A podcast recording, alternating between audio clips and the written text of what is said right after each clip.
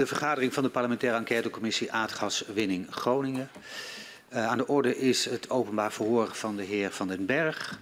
En ik verzoek uh, de griffier om de heer Van den Berg en dienst steunverlener uh, naar binnen te begeleiden.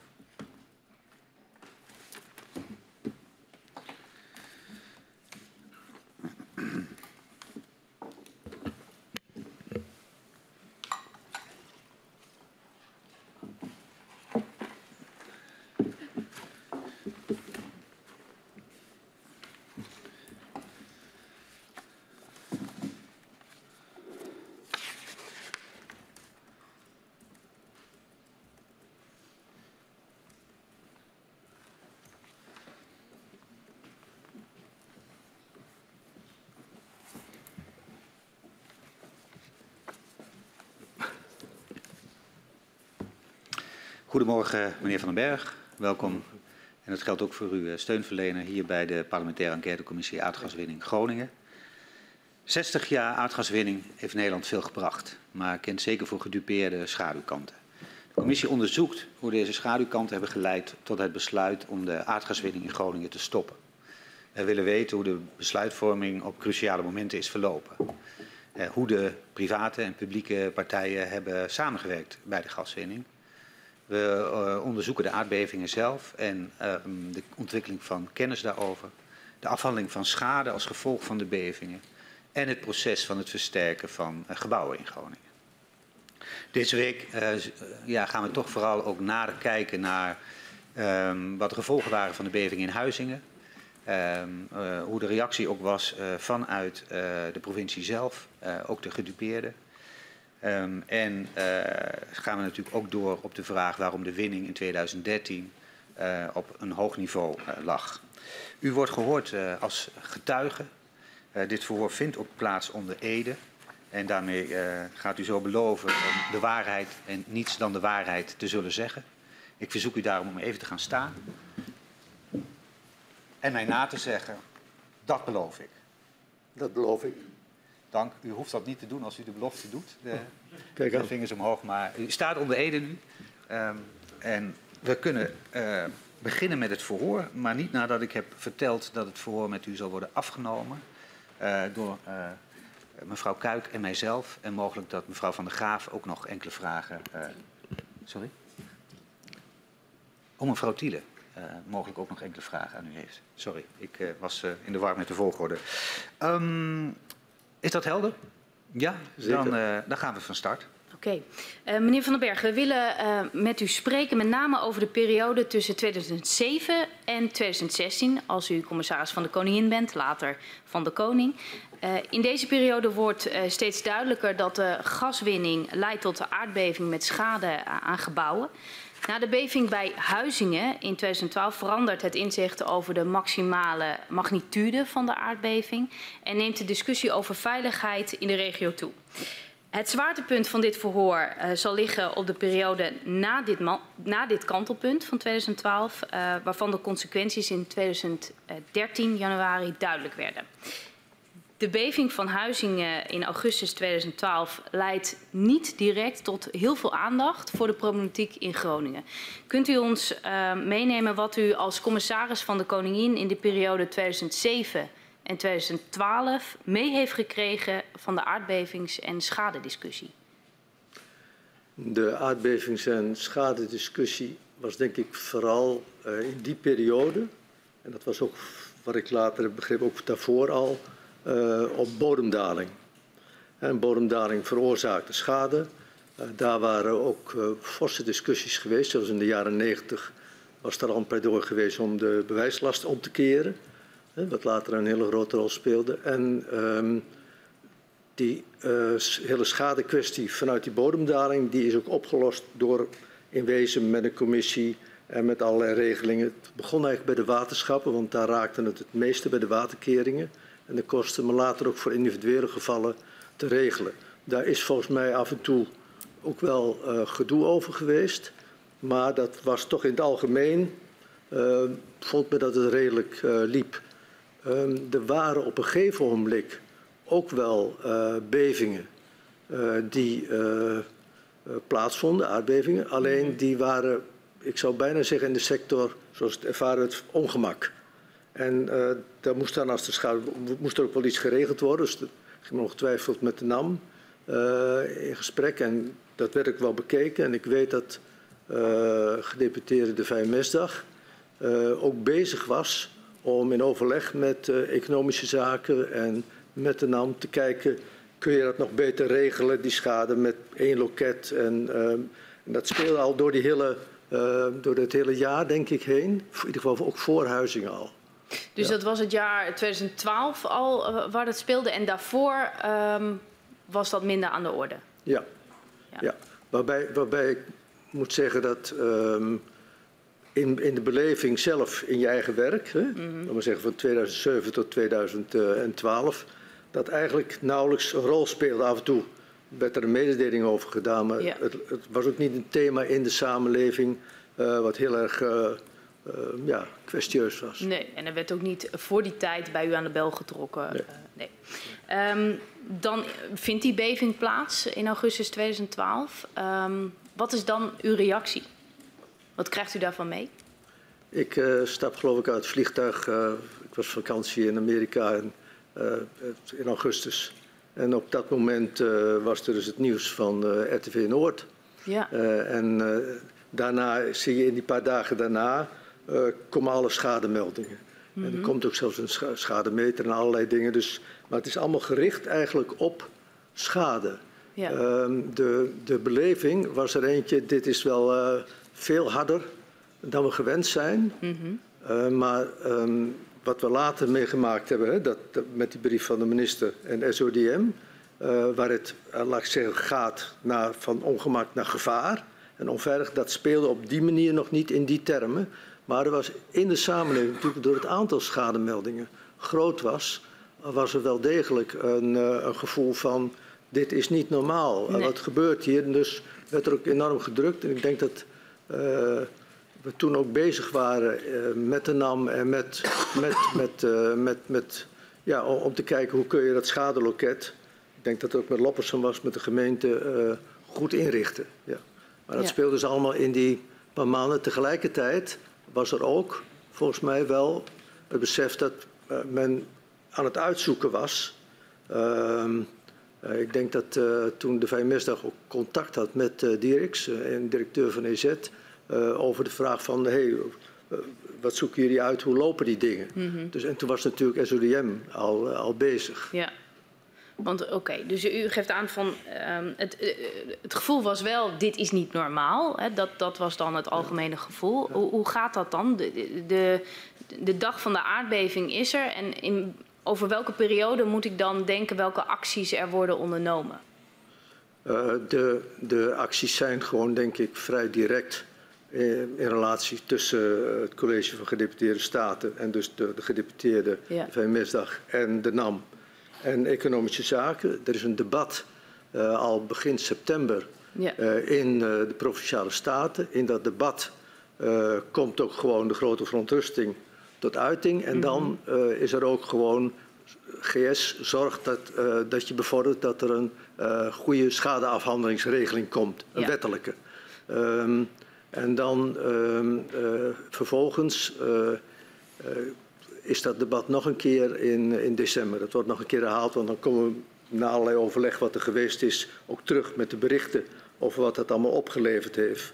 Maar dat zit allemaal nog voor, laat ik zeggen, de echte kanteling. Ja. En die echte kanteling is toch echt het SODM-verhaal. Uh, ja, dus 25 voor die tijd januari. is het vooral het gevoel, uh, de schade moet worden opgelost. En op een gegeven moment komt er een kantelpunt dat um, de veiligheid een, een, een, thema wordt. Ja. ja. Um, op 25 januari 2013 wordt duidelijk um, dat er problemen zijn met de gaswinning uit het uh, Groningenveld. En de heer Van der Leenput van de NAM uh, komt in die ochtend naar het provinciehuis. En daar voert hij verschillende gesprekken. Kunt u ons meenemen naar die dag? Ja, de, Van der Leenput had aangekondigd, ik wil graag met u ook als commissaris apart uh, toch even uitleggen wat er aan, aan de hand is. Ik ervoer het, en zo kijken nog steeds naar, als een beleefdheidsbezoek. Uh, want, uh, zei hij ook gelijk in het gesprek met mij, u krijgt een brief, waarschijnlijk al vandaag, van de minister. En daar staat alles precies in uh, wat, uh, wat er aan de hand is. Maar ik wil gewoon zeggen, er is toch wel een kanteling in hoe wij altijd aangekeken hebben tegen het verhaal. Dat is tamelijk wezenlijk voor wat de inhoud betreft voor de Groningers, omdat de Groningers altijd erg vertrouwd hebben op die instellingen en wat ze zeiden over dat hele gebeuren. Ja, en dan vervolgens blijkt dat uh, later op die dag met die brief dat dat niet het geval is. Hij ja. vertelde mij dat, maar daarbij was het redelijk omvloerst nog steeds. Uh, dus het was niet zo dat, uh, dat ik de mededelingen kreeg die als het ware later zwart op wit ook in die brief stonden. Okay. En we hadden, dat is misschien toch wel goed ook helder te zeggen, tot dat moment niks gehoord nee. Daarover. Nee. En dus uh, was het ook voor ons een behoorlijke dreun.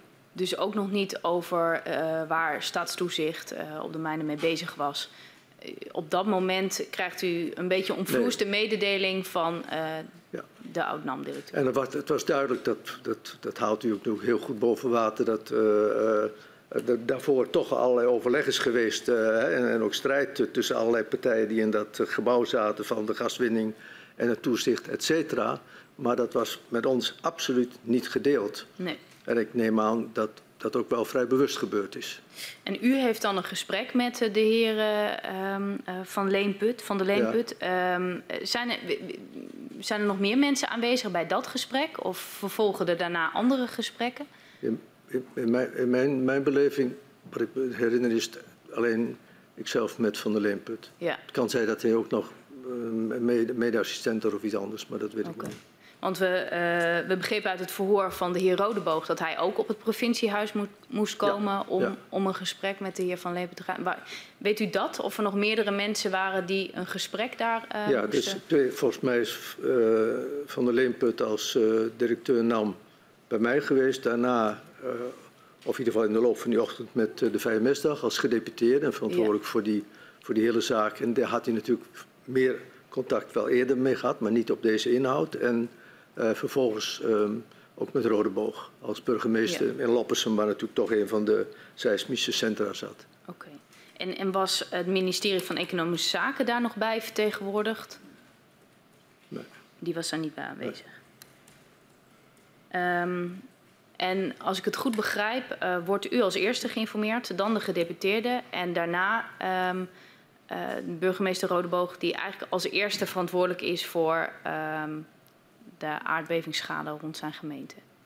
Ja, nou, dat, dat, dat, we maar even het eerste en, en tweede verantwoordelijk, et cetera. Iedereen heeft natuurlijk verantwoordelijkheden. De provincie is ongetwijfeld mee verantwoordelijk voor de, diepe, voor de, sorry, ja. voor de, voor de diepere ondergrond. Mm -hmm. uh, en de directe gebeurtenis natuurlijk vanzelfsprekend de burgemeester, openbare veiligheid, alles wat er direct speelt, verantwoordelijk. En ik geloof ook dat hij ook binnen zijn uh, college gelijk ook die verantwoordelijkheid kreeg. Dus het is ja. volledig te begrijpen en goed dat hij uh, okay. ook geïnformeerd werd daar. Ja. Um, en voor de rest waren, waren dit dus de gesprekken die werden gevoerd die dag? Er waren niet nog andere gesprekken? Um, nee, nee. Niet, in ieder geval um, niet, niet in mijn aanwezigheid. Nee. Oké, okay, helder. Um, dan krijgt de heer Rodeboog, um, uh, geeft hij aan in zijn verhoor, um, te horen van, van u en de gedeputeerde, Albert niet mee bemoeien. Er is een probleem tussen de NAM en de minister. Kunt u dit toelichten? Ja, ik, ik, heb, ik, heb, het, ik heb vooral proberen te bedenken, wat is dat, uh, wat daar gezegd is.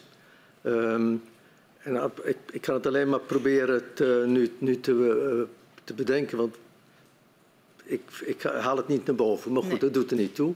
Ik ga er even vanuit dat gewoon Rodeburg, eerlijk mens, dat gewoon uh, goed heeft uh, gehoord. Ik, ik, denk wat er speelde, in ieder geval bij mij wel onmiddellijk, was het bewustzijn, hier gaat iets gebeuren wat veel groter is. Mm. En waar we uh, voor het hele Groningenveld, dus het totale gebied waarop het speelt, heel veel mee te maken zullen krijgen. En wij moeten gewoon gecoördineerd, gezamenlijk goed opereren. En de minister van Economische Zaken, die ook wettelijk verantwoordelijk is voor de gaswinning, Uh, en, en, dus degene die je moet aanspreken, ook in, in democratische termen, uh, die moeten we erg centraal verantwoordelijk houden. En ik was, ik was intuïtief onmiddellijk dat ik dacht, wat niet moeten hebben is dat de NAM hier met één burgemeester op die ene plek dingen regelt of al uh, setting maakt, dat moet gecoördineerd met alle betrokken gemeentes, gecoördineerd met alle betrokken partijen. En we moeten gezamenlijk ook oprukken uh, richting uh, de, de minister. En dat is ook, na die brief die smiddags kwam, ook de maandag erop, gelijk, onmiddellijk, gebeurd. En met alle betrokkenen. Dat hebben we ook zo georganiseerd. Dus daar zat niet achter uh, het idee, uh, ja, dat gaat eigenlijk de gemeente niet aan of dat, dat is iets van de NAM. Ja. dat, dat had een gewoon duidelijke politiek-strategische achtergrond, schat ik zelf in. Um, u, u, gaf al aan in dat gesprek uh, wat u had uh, met de heer uh, Van der Leenput. Um, dat, dat, dat, gesprek was wat omvloerst. Um, klopt het dat het bij het lezen van de brief pas tot u doordrong wat de ernst was van de boodschap? Ik had s ochtends wel door dat, uh, dat er iets mis was. Mm -hmm. maar, het, maar ik had niet, uh, het kwartje viel niet. Nee. Dat is echt uh, bij die brief. Ja. En eerlijk gezegd, vooral de brief in combinatie met het stuk van SODM. He, want SODM zei: ja, wij hebben uitgezocht en dit kan, dit loopt een kans dat je veel meer dan die schade van 3,9, dat het ook wel 5 kan zijn. Wij wisten op de schaal van Richter dat dat uh, door de aard van de bodemgesteldheid, het is niet 10 kilometer onder de grond, maar het is 3 kilometer onder de grond, dat het veel zwaarder is en dat dus die 5 staat voor, sommigen zeggen 7, 8, dat hangt ook een beetje van de grondsoort af, de manier waarop de, de, de beving naar boven komt, maar dat het zo'n veel grotere en zwaardere dingen ging. En daarmee ontstond ook gelijk een krak in het vertrouwen. Want daarmee, ja, mensen hadden tot die tijd gedacht, dit is altijd zo gezegd. En in één keer ga je van gemak naar groot gevaar toe. En in die brief van de minister, daar, um, daar staat dat hij uh, eerst een heleboel wil uitzoeken. In de, in de, in de reactie van eh, SODM staat, uit voorzorg, voorzorg moet u nu wel proberen, zo snel en zoveel mogelijk, uh, als het realistisch is, uh, toch proberen terug te gaan. Ja. En, um, nu, en nu komt die boodschap bij u um, hard binnen, hè, de, de, ja, de brief. En geeft u aan, wat gebeurt er dan? Wat voor acties onderneemt u dan? Op dat moment was voor mij duidelijk dat de, de, de, de partijen die tot nog toe met de gaswinning waren bezig geweest, gewoon een aantal dingen of verkeerd hadden ingeschat en mhm. beoordeeld, maar in ieder geval in een compleet nieuw verhaal terecht waren gekomen. Ja. En dat er een neiging was om dat weg te schuiven. Uh, dus om, om als ware te denken, uh, dat moet je eerst maar eens uitzoeken, tijd kopen, uh, zien. Dat ja. er moet nu onmiddellijk gehandeld worden. De Groningers willen ja. vandaag dus u, u... voelen zich onveilig. De Groningers hebben vandaag het gevoel, hier is in één keer een compleet nieuw verhaal. Hoe kan het mm. dat men zo tegen ons gesproken heeft voor die tijd en nu dit? Dus er was een, een ja, een, een, enorme schok ook in het vertrouwen, onmiddellijk. Ja. Dus u maakt zich zorgen. Ehm, wat doet u dan? Van uh, eigenlijk, u geeft aan, er moet eigenlijk onmiddellijk iets gebeuren. Ja, dus, dus, dus hebben we onmiddellijk uh, in het, uh, in, met elkaar in het college contact gehad en gezegd... dan moeten we onmiddellijk nu alle kennis bij elkaar halen. We moeten zorgen dat we gewoon als we de uitnodiging krijgen van de minister in Loppersum... met de betrokken gemeente en uh, met het waterschap dat we dan gezamenlijk optrekken. Mm -hmm. Het lukte niet om dat allemaal nog eens een keer in allerlei vergaderingen vooraf al af te stemmen. Maar er waren wel gewoon lijntjes en contacten om te kijken zo goed mogelijk gezamenlijk optrekken. En um, wij waren redelijk goed, um, ja, kun je zeggen, gewapend uh, om, om de belangen van de Groningers te verdedigen toen we daar in, op het nieuwe stadhuis in Loppersum zaten met de minister. En, en hoeveel tijd zit daartussen dat dat daadwerkelijk gebeurt? ik denk dat het, die, die brief is gewoon in, in, aan het eind van de vrijdag gekomen. De maandag erop, dus dat is een, dat is, dat is een paar keer net maal. Dat is niet veel. Ja. En met ook nog het weekend okay. zitten we daar. Ja. was het was het voor u eigenlijk duidelijk uh, dat die 3,9 uh, niet een absoluut maximum was, maar dat daar ook een, nog een onzekerheidsmarge bij zat? Wist u dat? 3 in, de, in de tijd. De oude tijd. Voor, in de oude tijd. Ja. Um, wat, wij, wat wij als uh, verhaal hadden was dat dat uh, de, de, de, de top was. Ja. En uh, dat het uh, vaak uh, veel minder zou zijn. Ja. Dat klopt ook wel met alle ervaringen. Dus vandaar dat woord wat ik straks gebruikte, ongemak. Ja. En dit was de mededeling. Dit kan naar vijf. en dus het verhaal van Marsje, nee. Dat kent u niet, nee. Helder. U gaf al aan, in de brief werd aangegeven, we gaan allerlei onderzoeken doen. dat waren er elf en later in dat jaar ja. werden het er zelfs veertien. Um, we hebben gezien dat uh, de provincie binnen enkele dagen uh, besluit, na de uh, huizingen, om zelf het initiatief te nemen een commissie samen te stellen die zich gaat buigen over compensatie voor de Groningers. Um, mijn vraag is, was dit nou een rechtstreeks gevolg van de brief of was de provincie al bezig met nadenken over zo'n traject?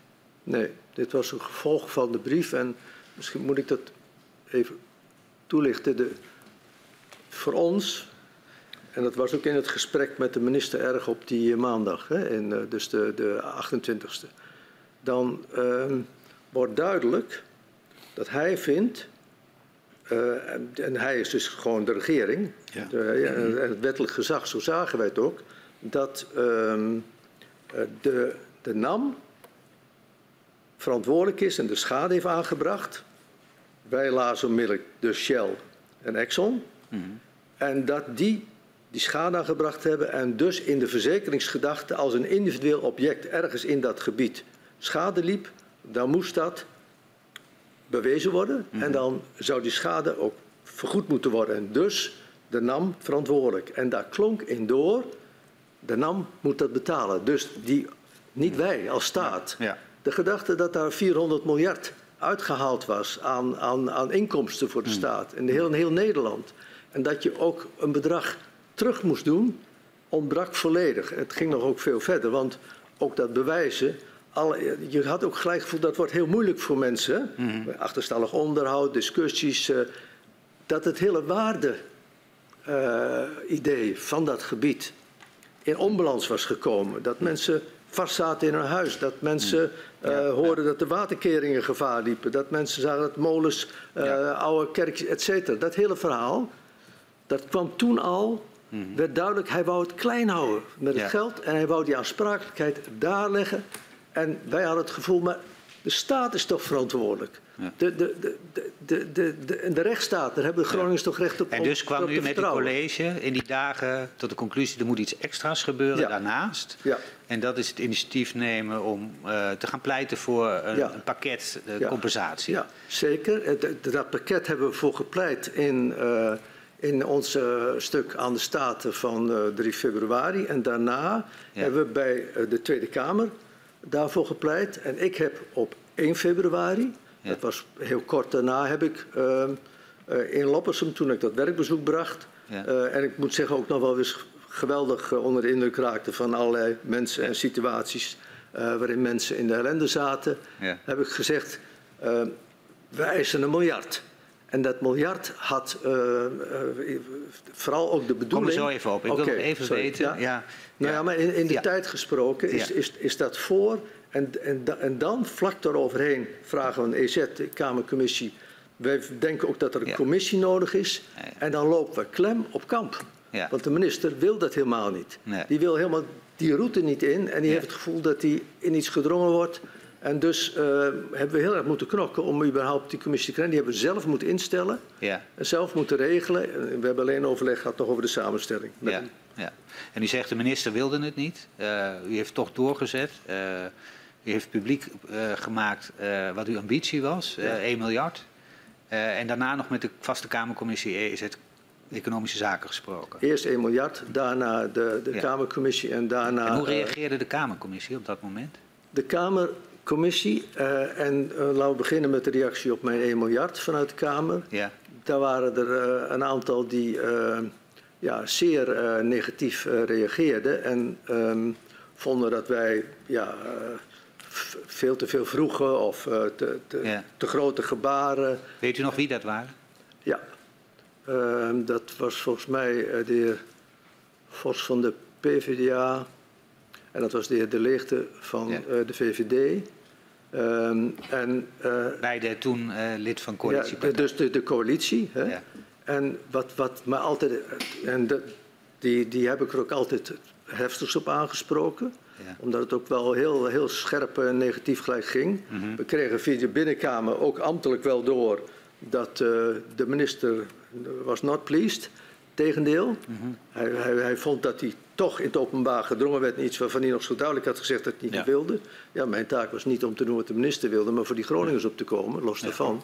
Ehm, was het zo dat ehm, op dat moment toch de vaste Kamercommissie overleg had met, eh, met de minister over dit alles. Ja. Ook over die brief, want die was niet alleen naar ons gaan, maar ook eh, naar en dus ook SODM. Ja. En dan gebeurt het toch zo dat de Kamer uiteindelijk eh, laat het lopen. De hele Kamer. Ja.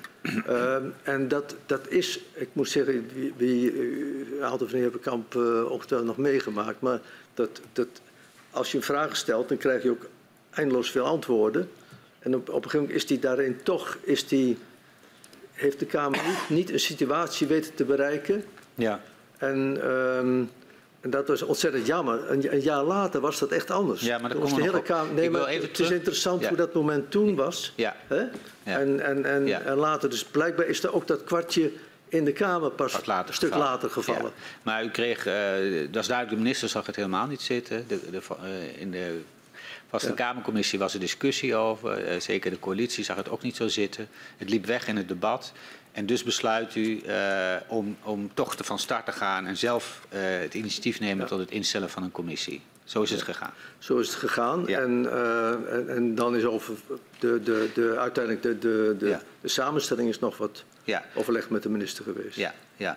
Ehm, voordat ik daar een vraag over stel, hoe werd er nou in de regio gereageerd op eh, dat initiatief? eh, dat u een miljard eh, zeg maar, roept als, als doel, eh, probeert dit van de grond te krijgen. Hoe wordt dat in de regio ervaren? Ik, ik, ik weet wel zeker dat op dat moment, Ja.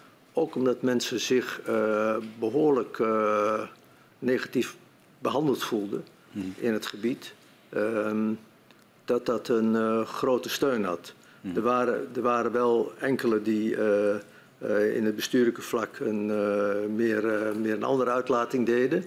Die, sommigen zeiden ja, Calimero-effect en dit Ja. en dat.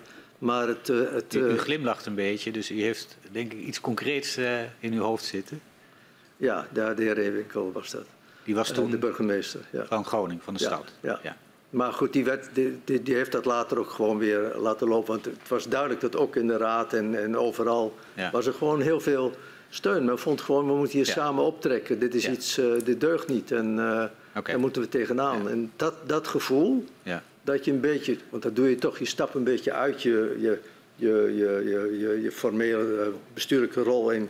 Ja. Je, ja, je gaat een slag harder, Ja. bijna als actievoerder. Ja. En eh, nou, daar, daar zat ik ook helemaal niet mee, omdat ik ook vind, vond, ik was ook geschokt wel door, door het feit dat de minister zo'n vreemde insteek koos. Mhm. Die wou helemaal niet publieke regie en verantwoordelijkheid en, en, en royaal en ruimhartig en geld. Niks ervan. Het moest klein blijven. En eh, dan de, de NAM Mhm. had met de hem- oliemaatschappijen. U had met hem ook enige contact eh, over de samenstelling van de commissie. Hoe ging dat? Ehm, nou, de, eerst stevige poging om het niet te doen. Ja. Eh, want hij had toch al die onderzoekingen en dat liep Mhm. allemaal. En laat mij nou toch in al die dingen. Hij wou niet in die route van een gebaar waarmee je dat hele gebied zou optillen en, en, en als het ware iets teruggeven aan eh, heel Noordoost-Groningen. Mhm. Voor wat er allemaal eh, mis was gegaan. En ja, ook het geld wat er ondertussen uit was gehaald. Mhm. En ehm, dan eh, op een gegeven moment dan, dan weet hij, we zetten, ze zetten toch door. Mhm. Dan zegt hij ook wel, ja, uiteindelijk is het uw verantwoordelijkheid. Mhm. Dus dat laat hij ook bij ons. En in die zin was hij verder heel, eh, heel Ja. eh, goed. in, in, in het normale gedrag. En dan, dan vervolgens, dan, ehm, in de samenstelling, ehm, heb ik zelf bedacht. Eh, natuurlijk wel in, in overleg met, me- met mijn collega's in, GS, maar t- ik moet van de verschillende partijen. Meijer lag een beetje voor de hand doordat hij kennis had van dit soort dingen en naar mijn gevoel toch feeling had voor wat er voor zo'n gebied dat betekent.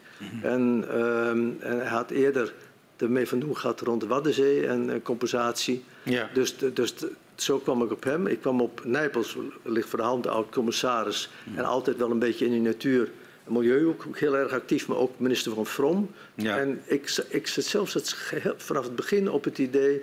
dit gaat eigenlijk over ruimtelijke ordening, volkshuisvesting, stadsvernieuwing, dorpsvernieuwing. Ja. En veel minder alleen maar over technisch. En het gaat over mensen en de samenleving.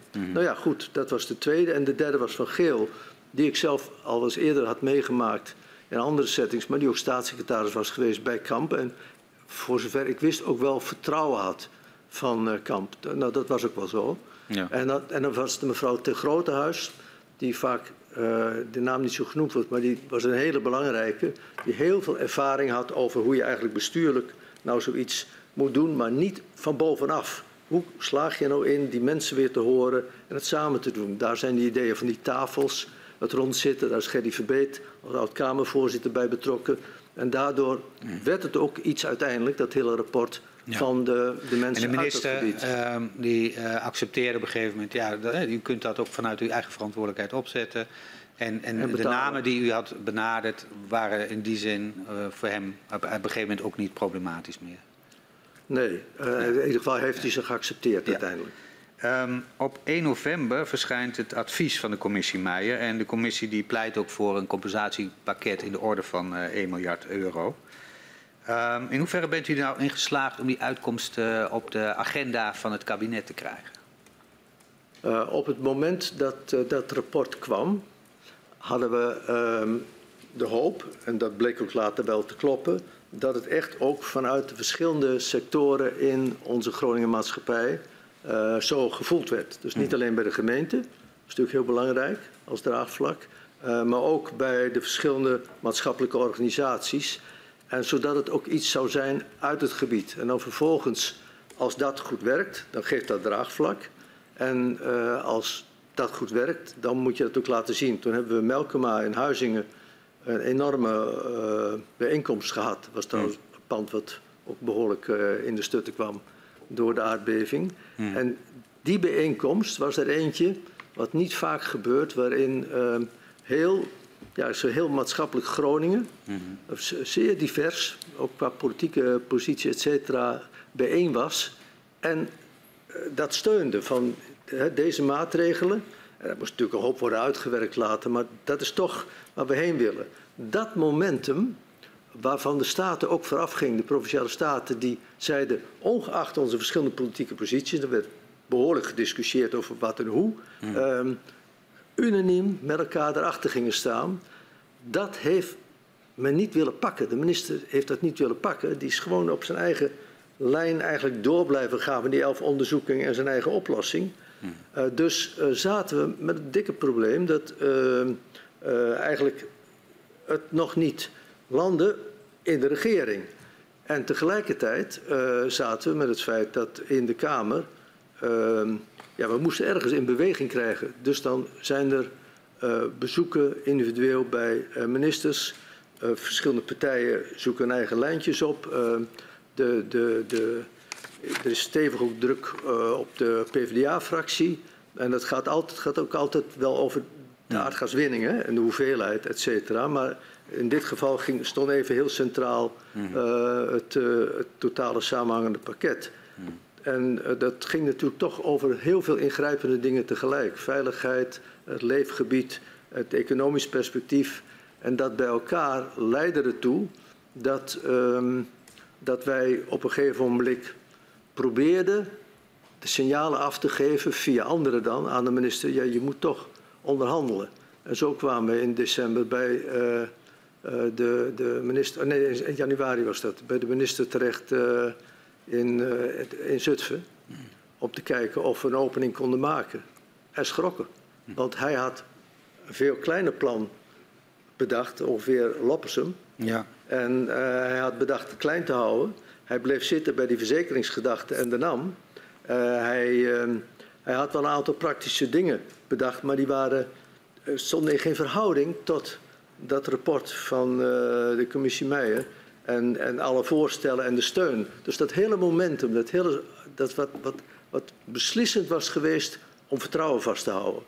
Dat ging hollend de deur uit. En ja, toen hebben wij uh, gezegd, nou ja, wij gaan aan geen kant akkoord en je moet ruimte geven om te onderhandelen en toch tot een uh, bestuursakkoord te komen. Ja, en dat, daar komen we zo nog even ja. over. Ik heb nog één vraag over deze periode, want u zei er net heel, heel snel even iets over. Uh, die brief uh, die, die, die, u krijgt met het onderzoek van het SODM, daar heeft u over verteld wat de impact was. we hebben het al gehad over de commissie Meijer, het compensatie waar u op inzet. Maar uh, de vraag is nog even in die periode, wat heeft de provincie uh, of u zelf uh, ja. op het punt van het productieniveau gedaan? Want er was een SODM-advies, probeer die productie te verlagen, ja. zoveel als realistisch mogelijk. Wat voor actie werd daarop ingezet? We hebben in, in gelijk in drie, ik denk 3 februari of 1 februari de, de, de, naar de Staten uh, voorstel gemaakt tot uh, een positie waarin we aan de ene kant dit verhaal uh, hadden hè, van de compensatie en tegelijkertijd zeiden je moet zoveel mogelijk proberen te beperken de aardgaswinning en aan te passen zodat die zwaardere bevingen gewoon voorkomen kunnen worden. En je moet ook zien of je al maatregelen die Kamp eigenlijk pas zou willen nemen als die eenmaal wist hoe laat het was, ergens in december van dat jaar, naar voren halen, nu al. En uh, je moet uit voorzorg ook proberen om dat nu al aan te zetten en de ruimte te maken. Het, het was duidelijk dat blijkbaar er een, een, totale vergunning was verleend voor winning voor tien jaar. Dat was al ver daarvoor.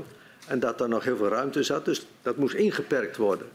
Dus wij hebben ook vervolgens wel richting de Kamer uh, dat heel duidelijk gezegd. Ga nou niet akkoord met laat dat maar lopen, ja. maar probeer nu al iets ja. te doen. Dat ging niet. Dan hebben we later geprobeerd richting op weg naar dat, akkoord ergens in december opnieuw ze zover te krijgen dat de minister onder druk werd gezet om ja. toch iets te doen. Dus u, dat punt van de winning in het productieniveau, dat was voor u een onderdeel van de lobby richting Tweede Kamer en minister? Jazeker. Ja, helder.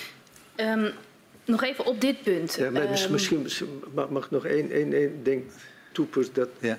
uh, omdat natuurlijk later is, uh, we moeten naar nul hè, heel erg centraal komen te staan. Ja, maar dat is pas Op dat moment speelde dat niet. Het ging dus echt over, we kunnen terug. Ja. En toen was ook nog niet zo scherp dat we uh, in dat jaar boven de nee. 50 zou uitkomen. Ja. Dat komt, ja. Helemaal natuurlijk een. Ja. Als, ik, als ik kijk naar um, uh, de inzet uh, die we heel duidelijk zien uh, in die onderhandeling, ook richting de minister, dan is wel de nadruk, dan moeten we maar corrigeren als dat niet zo is, op die compensatie. En niet per se op het verlagen van de winning. Nee. Nee, dat, hoe, de, hoe moet ik we, dat... we, we hebben de, de vermindering van de winning, ja. de gaswinning, was volgens ons randvoorwaardelijk nodig om die andere dingen uh, überhaupt goed te laten landen en te functioneren. En speelt dat dan plus, ook een rol in die plus, onderhandelingen? Ja, want, want kijk, de, het, aantal, het aantal bevingen mm -hmm. uh, was groot. En uh, wij wisten gewoon dat, uh, dat was op een gegeven moment ook duidelijk, er is ongeveer uit dat totale veld de helft uitgehaald ja. in de winning. Maar dat, dat, dat punt begrijp ja, ik. Ja, maar, ik. Ik zit alleen te zoeken naar ja. hoe zie ik, waar kunnen we dat uit opmaken, dat dat ook een onderdeel, echt een actie was van die onderhandeling. Al, onze, al onze brieven, al onze brieven uh, aan de Tweede Kamer, aan de minister uh, uit die tijd, uh, waarin we onze posities duidelijk maken, staat het elke keer als een helder punt in. We trekken ook steeds samen op op die, dat hele jaar met de gemeente, met de bestuurders. En um, ook daar, uh, uh, ik, ik, ik, nog dat memo aan de, aan de, aan de, aan de woordvoerders allemaal in de, in de EZ-commissie, uh, direct na dat overleg, zie je ook gewoon, dat is het eerste punt wat we pakken. Okay. En um, Nee, dat, ja, ja? als u dat aangeeft, dan, uh, dan, uh, dan uh, constateer ik dat. Nog, nog, nog, misschien nog de vraag, zijn die brieven ook naar de NAM gestuurd? Ik weet het niet. Oké. Okay. Ik weet het niet, maar, maar eerlijk gezegd, de, de, volgens mij is er geen brief die uh, naar EZ ging of de NAM uh, had er ook wel kennis van. dat uh, staat dicht bij elkaar. Oké. En naar aanleiding van het advies van de commissie Meijer wordt er onderhandeld met het Rijk. Uh, en op 17 januari 2014 komt het bestuursakkoord 2014 tot stand. Um, en het bestuursakkoord bevat veel elementen uit het advies van de commissie Meijer. Het komt uit op een bedrag van 1,182 miljard. Kunt u vertellen hoe dat bestuursakkoord tot stand is gekomen? Ja, de, uh, dat zit dus tussen uh, uh, het moment eh, dat het rapport is uitgekomen, dat is 1 november. Dan hebben we op 15 november eh, die grote samenloop het hele maatschappij eigenlijk van Groningen. Die zegt we gaan erachter staan, provinciale staten hetzelfde.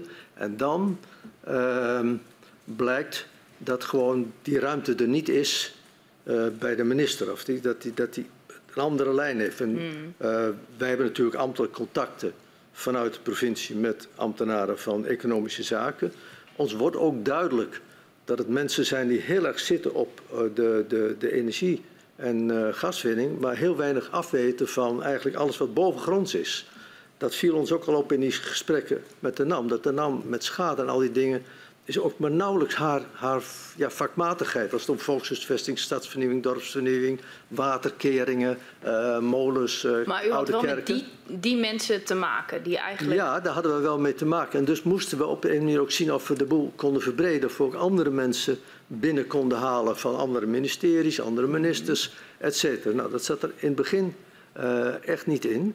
En, um, en dat had ook te maken met dat de minister ook heel erg zelf de regie wilde houden... En toen wij bij hem waren, dus op, uh, op 7 januari in Zutphen, en dachten, nou, dan treffen we in ieder geval in een setting een beetje buiten het ministerie en wat meer in een, ja, bijna informeel, ja, was het bijna wel setting. Dat was samen met uh, gedeputeerde Moorlag. En uh, daar, da, ja, daar, daar uh, was een enorme botsing, omdat hij had een heel ander plan uitgedokterd. En dat gaf ook wel aan dat hij, hij, zat er, hij was zeer betrokken, hij zat er ook zelf bovenop, maar langs andere lijnen, waardoor het heel klein bleef en het geld door anderen betaald moest worden en ook beperkt was.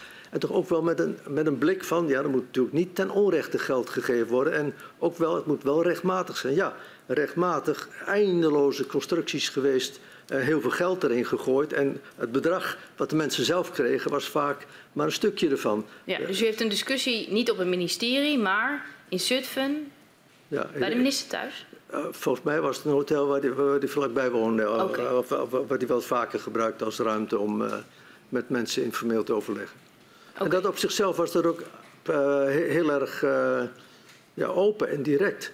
Maar het was ook zo open en direct dat ook duidelijk werd hoe groot de verschillen waren. Mm. Daar schrok ik wel van. Ik dacht, hoe komen we nou van dat, van dat verhaal wat hij niet wilde, van de commissie Meijer, überhaupt de commissie niet, dan nou de voorstellen niet.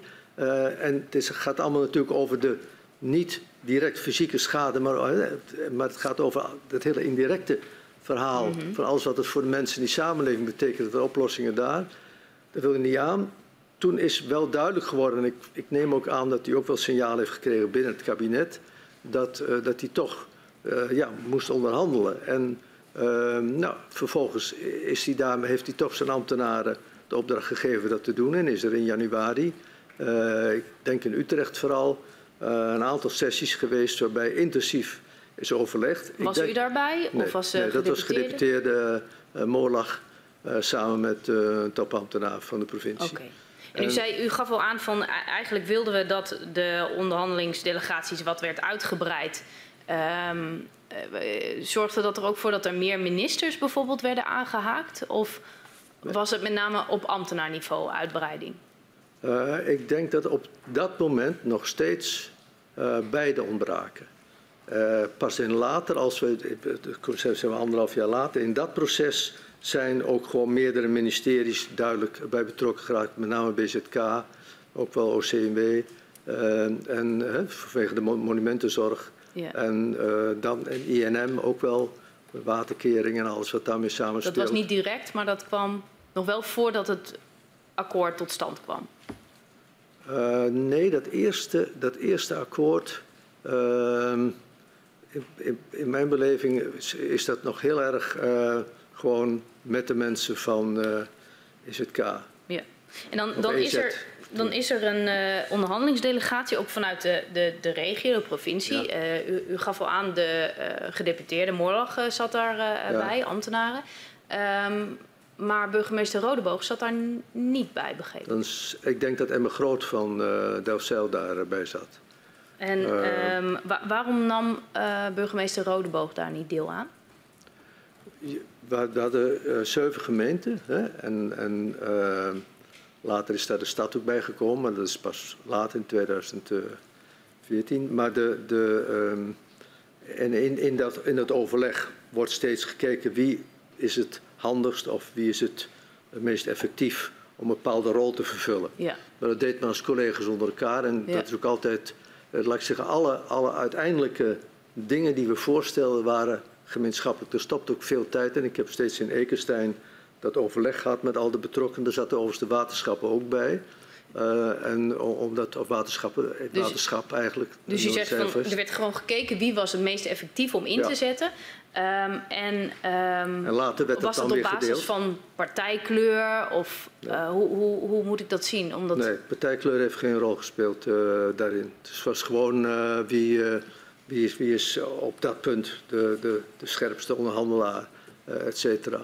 En, nee, en dat onder elkaar, eh, want de een kon, was goed op dit en de ander was goed op dat. Je, je had Ja. iemand die was hartstikke goed in rekenen en goed dingen op een rij zetten. De ander die was scherp in het eh, directe confrontatie. Nou ja, dat Ehm, ging heel goed. Wat dat betreft is de, de samenwerking in de regio dat is lang niet altijd zo eenvoudig. Ehm, maar dat, dat, dat, dat ging eigenlijk ook wel omdat de uitdaging natuurlijk ook helder was. Hè. De- Ja. de- de- Er werden ons dingen niet gegund aan de Groningers die we vonden die echt moesten. Dus daar, daar waren we wel, wel erg in gezind. En het verzet was massaal op elk punt. Want elk punt wat we wilden kostte geld. Mhm. En werd gezien als dat kun je niet verhalen op hè, de NAM zo makkelijk. Dus het verhaal ging elke keer, hoe kunnen we toch dan dat op de NAM verhalen? ja. Dat vind je ook allemaal terug in, in, in, in de centen om dat miljard eh, te betalen. En, en nu ga ik toch weer even terug Ja. naar, eh, naar eh, de heer Meijer. Want die adviseerde bijna een miljard euro aan maatregelen voor leefbaarheid en voor economisch perspectief. Ja. Ehm, dan zien we dat bestuursakkoord en daar komt nou, ongeveer een derde ehm, blijft voor dat onderdeel over. Ehm, wat vond u van de uitkomst van die onderhandeling? De, de directe schade ehm, was een zaak eh, van eh, inderdaad de NAM. De eh, verdere kosten die een rol speelden in versterken, waardevermeerdering, veiliger maken, eh, de leefomgeving oppakken, dus in wezen toch gebiedsgericht gaan werken. En eh, alles wat daarbij hoorde, dus dat ging over de molens, de kerken, Ja. eh, de, de, ehm, de, de verzorgingstellingen, de, de onderwijs, dat zat er allemaal goed in. Ja. Eh, en, dat zat, en ook het, als een bouwwerk eh, eh, eh, ja, nieuw moest worden gemaakt en de kosten zat er ook in, et cetera. Dus wij vonden wel dat eigenlijk die twaalf programlijnen van de commissie, dat hebben ze zelf ook later gezegd naar buiten toe, daar redelijk in eh, terugkwamen. Ja. Het is natuurlijk waar dat bij al die punten die we onderhandeld hebben, als je gewoon eh, daarnaar kijkt, en toen waren we eigenlijk ook hartstikke ja, blij dat we eindelijk ergens doorheen waren. Dat gewoon eh, we in ieder geval die, die andere kant van het verhaal iets teruggeven aan dat gebied hadden. Maar dat, dat het op elk van die punten werd er in wezen beknibbeld en vaak ook nog, dan nog wel weer moet uitgewerkt worden met de NAM, et cetera. Daar zijn we nog heel erg weer vervolgens tegen, tegen de muren aangelopen. Dus als ik u goed begrijp, dan zegt u, nou, eigenlijk waren we wel blij dat we in ieder geval eh, nu iets hadden. Ja. Eh, maar als we kijken naar de punten, dan werd daar eh elke keer toch een beetje op beknibbeld en was Ja, het minder dan eh, de invulling waar we op gehoopt hadden. mondjesmaat vaak. eh, en ehm, waarbij, waarbij ook ehm, het, het, eh, het andere punt speelde, dat het tempo waarin ondertussen eh, wel dingen gebeurden, hè, de, de beroemde huizen die in de stutten stonden en eh, die eruit moesten, de, de, al- al- alle scheuren en ellende, dat, dat ging eigenlijk heel slecht. Ik denk dat het enige wat een beetje wat makkelijker liep, was de hele kleine schades. Uh, maar zodra het ingewikkelder wordt of maar iets, of er speelde achterstallig onderhoud, of het was net buiten het gebiedje, dan was dan, is dat er wel door veroorzaakt, moet het wel. En elke keer moesten die mensen eindeloze processen door. Dat was een hopeloze toestand. Ja. Voor die burgers vooral, hè? voor onze Groningers. Ik wil even met u uh, terugkomen op uh, de gaswinning zelf. Want uh, we zien dat u in die periode bijvoorbeeld ook een opiniestuk plaatst in Dagblad van het Noorden. En daar komt ook een citaat van u tegen. ik zal het even voorlezen. Ik begrijp en velen met mij dat het abrupt terugschroeven van de gaswinning veel maatschappelijke en financiële impact heeft. Mogelijk zelfs maatschappijontwrichtend. Dus SODM niet strikt opvolgen is in die zin te begrijpen, maar het blijft schuren. Was dat niet iets te veel al meedenken? Of had dit, uw inzet nog krachtiger kunnen zijn op productie? Dit, uh, dit, dit citaat heb ik denk ik al Ehm, een aantal dagen nadat ik om eh, die miljard eh, uitriep en eh, vervolgens verguisd werd door allerlei mensen, ehm, de, gestuurd aan kamp ook. Mhm. Waarom? Omdat ik merkte uit de contacten dat we dreigden met onze terechte inzet, vond ik, ehm, gewoon de, de, de relatie volledig te verliezen. Onze gedachtegang was niet we kunnen in één keer terug naar uh, 20 of zo. Hè? Mm. Wat, uh, wat later allemaal veel, veel normaler werd. Wij, wij, wisten wel dat wij op heel hoog zaten, boven de 40. Uh, en, dan, en dan was dus in ons idee uh, aanpassen dat we moeten naar beneden. Maar het was niet het verhaal van een hele forse teruggang. Dus in die zin kun je ook zeggen, kon de minister ook niet zeggen, maar dat kost me onnoemelijk, onnoemelijk veel, dat hebben we niet. Of uh, leveringszekerheid. Ik hmm. moet zeggen, dat het latere bericht dat blijkbaar 27 had gekund. Hè? Ja, maar dat wist u toen nog niet. Nee, dat wist ik nee, toen en u zegt, dit, dit citaat is in het licht van... Uh, ik wil de relatie uh, toch nog open houden. Ja, ik wil wel omlaag, maar het, het ja. is, ik, we, we, wilden daar niet het verhaal hebben. We zijn blind voor... Uh. Ook de bestuurlijke problemen die ontstaan als in één keer mm. Nederland. dus het was in die zin ook een tactische zet. Het was een tactische zet en ik denk ook wel uh, dat wij toen, uh, op, omdat we op dat hele hoge niveau zaten, mm. niet onmiddellijk dachten in uh, stoppen. Het was wel iets, wij, we, we, hebben altijd gezeten op het idee, dat houdt een keer op die gaswinning. Mm. Dus daarom waren we ook zo enorm met alternatieve energie bezig mm. op allerlei plekken. Maar dat lag verder weg. Heel verder. Nu zat het dichterbij. En uh, op dat punt denk ik dat we uh, zowel een, een zekere, ja, we wouden een zeker realisme aan van hoe snel dat omlaag kon. En tegelijkertijd uh, zeggen, ja. maar je moet nu wel de beweging ja. naar die mensen maken. Helder. In tijd, eigenlijk ongeveer tegelijkertijd met het onderhandelen over dat bestuursakkoord... Uh, zien we dat in uh, 2013, het gasjaar, de winning nog verder omhoog gaat. Um, en uiteindelijk wordt dat zelfs 53,8 miljard kuub in 2013. Uh, bent u gedurende 2013 op de hoogte gebracht over het feit dat de gaswinning uit het Groningenveld uh, hoger zou komen te liggen? Werd u daarover geïnformeerd? Nee, wij, wij, wij, er was contact volgens mij wel steeds met de NAM over ehm, de, ehm, ja, de schade, allerlei dingen die daar speelden. Maar dat, laat ik zeggen, dat, dat strategische stuk uh, en de winning, volgens mij bleef dat gewoon allemaal binnen de, de, de, de kring ja. van degene die daar direct uh, aan, de, aan de knoppen zaten. Ja. Uh, zowel bij EZ als bij de NAM en bij, en bij, bij, de, bij de oliemaatschappijen. En in die zin, um, ja, wij, wij drukten tegen de minister aan, u moet omlaag. Mm. Wat hij zei is... Maar mijn feitelijke vraag is eigenlijk, ja, wist, u, wist u dat de winning in 2013 nog weer een stuk hoger zou zijn op het moment dat het bestuursakkoord uh, was gesloten? Of hoorde u dat pas daarna? Nee, ik, ik, de, de, de, de, ik, ik ben ervan. Ik, ik weet over wat er gebeurd is als, als, als, laat ik zeggen, als resultaat in dat jaar. Uh, hadden wij het gevoel, de minister heeft het, uh, het signaal gegeven, ik grijp niet in. En dus dat het hoog zou blijven. Ja. De precieze hoogte, nee. nee.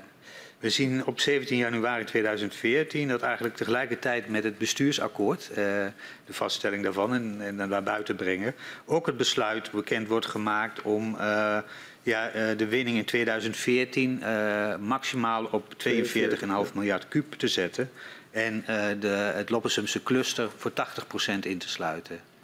in hoeverre hingen deze besluiten samen met elkaar? Het, pakket aan maatregelen en het andere? Ja. Niet. Niet. Wij, wij hebben, uh, en dat is ook blijkbaar later, gewoon bezwaar ja. gemaakt uh, zodra we het eenmaal konden. Want je, de, de, tot die tijd kon je, had voor tien jaar die vergunningen gegeven, dus daar kon je niks meer tegen doen. Mm -hmm. uh, daarna, als die dat besluit neemt, wordt het ook, dan kun je een visie geven. Als de visie hebben gegeven en erop gereageerd, ja. daarna kun je bezwaar maken. En Raad van State geeft ons ook later uh, gelijk. Hè? Ja, er zit, er zit nog een jaar tussen. Hè? Okay. Dus een jaar later uh, wordt er dan um, ja, beroep ingesteld tegen het instemmingsbesluit van de ja. minister van 30 januari ja. 2015. Ja. Dat is nog een jaar later. Maar goed, en, en wie nam precies nou het initiatief om, om die stap naar de Raad van State te zetten? gedeputeerde staten en, en de provinciale staten. Ja. Kijk, de, ja. ik denk dat het een behoorlijke wisselwerking was, omdat ook in de provinciale staten stevig, ja. uh, stevig gedebuteerd werd en uh, ook uitgesproken meningen, dit mogen niet laten gebeuren. En um, wij waren het daar gewoon uh, mee eens. En het, het was wel uh, steeds een afweging, hè? want je, daarmee ga je, ga je nog een strijd aan een confrontatie. Ja. Maar dat kon niet anders. Nee. En dat was ook afgestemd met de gemeente? In, ja, ja, ja. ja. Alle, alle, alle, alle bezwaren, ja. uh, dus en de acties die gevoerd zijn, dus ook de bezwaarschriften. Ja. Dat geldt net als voor, die, voor dat maatregelenpakket, ja. zijn in gezamenlijkheid getroffen. Dat, dat vergde wel het nodige overleg een inzicht. Want ik geef dat ene voorbeeld wat net kwam. Ehm, de, de putten in, in, bij Loppersum werden dan voor 80 procent uh, gestopt. Mm -hmm. Maar die, die, die winning, die kwam natuurlijk ergens anders weer boven. Dat is ook later gebleken. En ja. dus, dus wij zeiden ook steeds, kijk nou naar het hele veld. Dat was mm -hmm. een van de grote problemen. Dat, ze, ze wilden in wezen niet naar het hele Groningen veld kijken. Een van de grootste gasvelden van, van, van, van de wereld. En dan uh, vervolgens... Uh, moest het alleen maar daar bekeken worden. Uiteindelijk hebben we zeven gemeenten aan de tafel gekregen. Maar het was nog eigenlijk veel te klein. Het hele Groningenveld, ja. was onze mening, moet opgepakt worden. En nog even terug naar uh, het aanvechten eigenlijk van het instemmingsbesluit. Op zich, uh, die, die, die mogelijkheden die bestonden al langer, al, al tien jaar eigenlijk. Uh, en waarom wordt nou precies in 2015 uh, die stap gezet? Dan is nee. het niet langer nodig om de relatie te onderhouden en mag het wat scherper? Of wat, wat was, nee. gaf de doorslag om... In, in, in, mijn, in, mijn, zoals ik weet, is het, um, heeft hij een vergunning gegeven voor tien jaar. Ja. In de eerste periode. Die, daarna die kon, je niet... kon je daar niet meer naar de Raad van State bezwaar tegen gemaakt. Dus ah, dat is okay. heel lang geleden. Ja. En dan, dan vervolgens de eerste keer, en dat komt ook in dat akkoord wat we ja. sluiten, daarin uh, uh, naar aanleiding van het rapport Meijer, daar wordt dan ook afgesproken dat die voortaan het zal denken als een besluit, ja. waardoor je daar ook zienswijze op kunt indienen en daarna ook in bezwaar kunt gaan. En dat doen we dan ook. Okay. En de dus wat dat betreft hebben we als het ware. Overigens, dat was ook wel een redenering van Kamp zelf. Dat hij vond dat dat dan rechtsstatelijk ook zou moeten kunnen in het, uh, in het samenspel tussen de verschillende uh, overheden. Ja. Uh, en nou ja, dat is ook vervolgens gebeurd. En de Raad van State heeft toen ook wel daarop besluiten genomen om het lager te stellen. En vooral dat voorzorgsbeginsel is natuurlijk ja, dat was ja. bezig gebruikt als een omgekeerd voorzorgsbeginsel hebben ze gedaan in het begin, ja, ja. zou je bijna zeggen. Nee, maar u, u, het helder, u zegt uh, uh, het plafond dat in het verleden tien jaar liep, daar was eigenlijk uh, in juridische zin geen mogelijkheid om nee. daar iets tegen te doen. Nee, we hebben wel maar gevraagd toen is in die tijd om het aan te passen. Ja, hè? maar toen is geïntroduceerd ieder jaar een productiebesluit en daar kon je een initiatief uh, opnemen, ja. zoals ja. naar de Raad van State ja. gaat. Helder. Dan ga ik naar uh, juni 2015, want dan moet een nationaal coördinator Groningen zorgen voor sterkere publieke aansturing en schadeafhandeling en, en, de versterkingsoperatie. En dat is een wens vanuit de regio. Um, van wie kwam dat idee dat er een nationaal coördinator Groningen moest komen? Um, vanaf, ik heb probeerde dat net te beschrijven, vanaf eigenlijk dat eerste treffen bij de minister hè, van die brief, uh, waarin die zegt: uh, Het is toch anders, en, uh, maar ik ga eerst alles uitzoeken en ik zet het voorzorgsbeginsel opzij. Ik doe niet wat SUDM vraagt. Toen hadden wij vanaf het begin: er is publieke regie nodig omdat de omvang van de kwesties die speelden in dat gebied mm -hmm. absoluut niet, los van, van allerlei financiële dingen, maar die speelden helemaal niet binnen het, het domein van de NAM. En uh, of het nou over waterkeringen, molens of wat dan ook ging.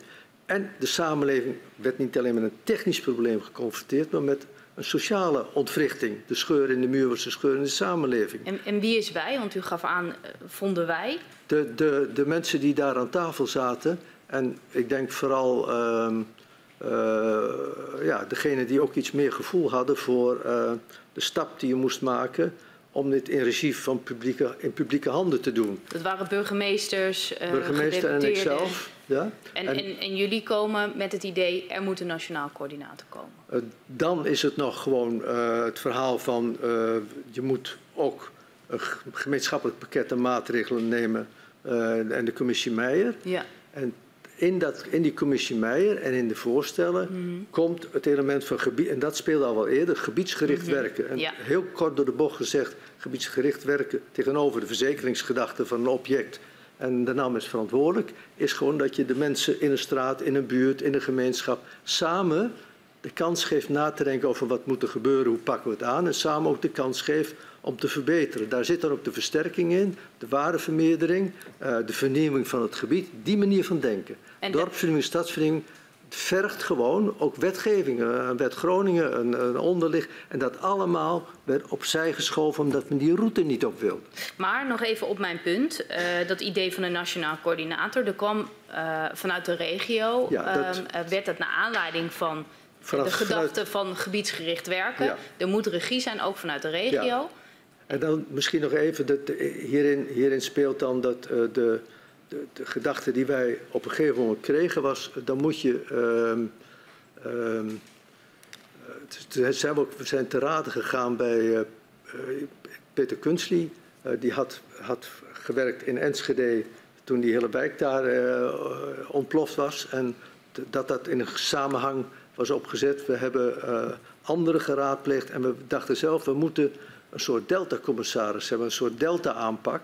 Ja. Uh, veel groter. En we wouden het wel als een nationale aanpak hebben. En vanuit dat denken, er is ook gepraat met uh, mensen uit die, die, die hele delta-kolom, uh, mm -hmm. om, om, om daar ervaringen in op te doen. Er is ook gepraat met andere mensen over hoe pak je dat bestuurlijk aan. Ja, want wat waren nou die wensen als het gaat om de invulling van die nationaal coördinator?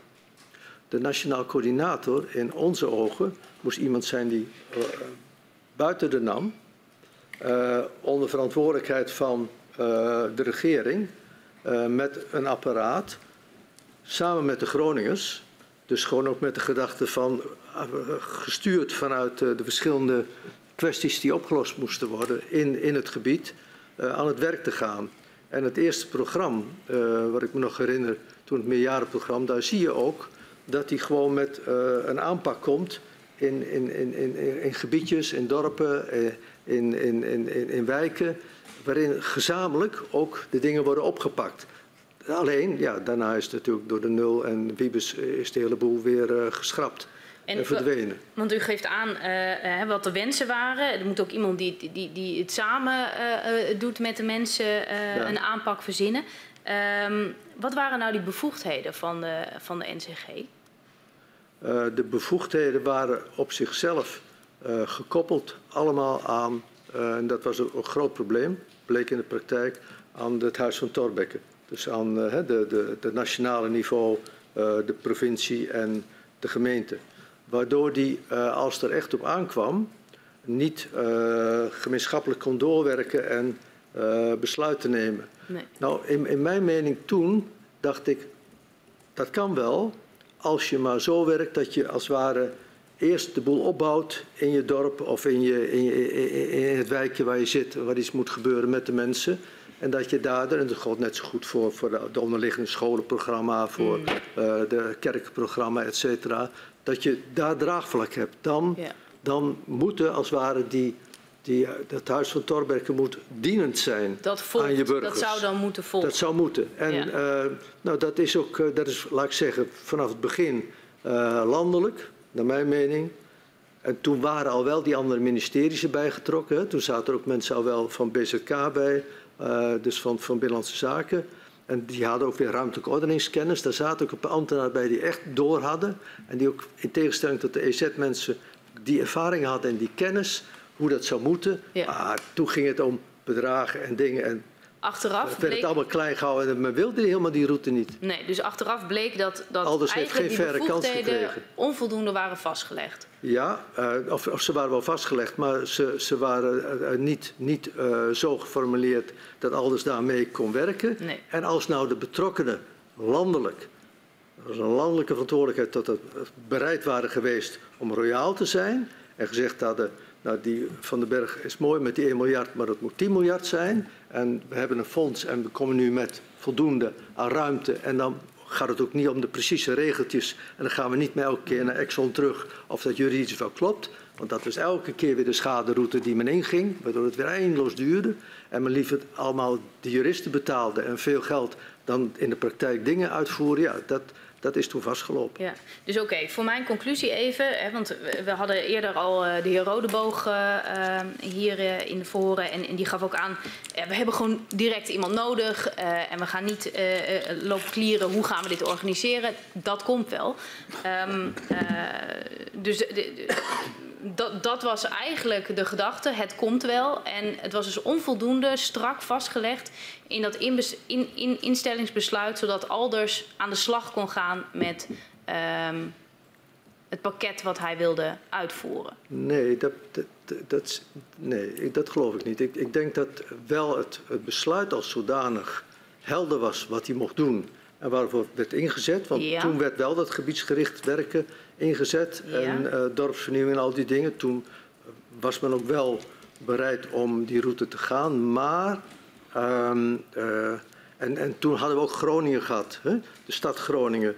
Dat had een enorme impact gehad en dat had ook nog veel losgegaan en ook veel politieke steun gegenereerd om nu toch echt door te pakken. Dus er was wel een ander klimaat ontstaan, maar ik denk dat gewoon eh, Alders op het moment dat hij, het heeft enorm veel ook in, in, in, in de wijken en in de buurt en in die dorpen gezeten, zijn plannen eh, bezig was te ontwikkelen. Ja. Ja, toen kwam er een heel ander debat, nu onmiddellijk naar nul. En, en, en Wiebes die eh, schrapte eh, in wezen. wat, wat, alles is dan- altijd maar relatief kort bezig geweest. En dan wordt het geschrapt en dan gaat het naar nul. En dan wordt de, je moet je indenken, al, al die mensen die hadden die afspraken met hem en in de praktijk Maar plannen. dat, dat is eigenlijk verderop in de tijd. Ik wil, Nou, toch, nog even, verderop, ik wil toch nog even bij dat, bij dat punt komen eh, dat, eh, dat ik mijn conclusie goed, goed Ja. trek. Eh, dat u aangeeft, nou eigenlijk waren de bevoegdheden wel goed vastgelegd in het instellingsbesluit. Dat was op zich het punt niet waardoor hij, ehm, waardoor Alders niet de plannen kon uitvoeren. Correct, als de ministers en de regering. En ik, ik, ik heb al vaker gezegd, het is niet alleen minister Kamp. Het gaat om gewoon meerdere ministers en ook om premier Rutte. eh, met elkaar.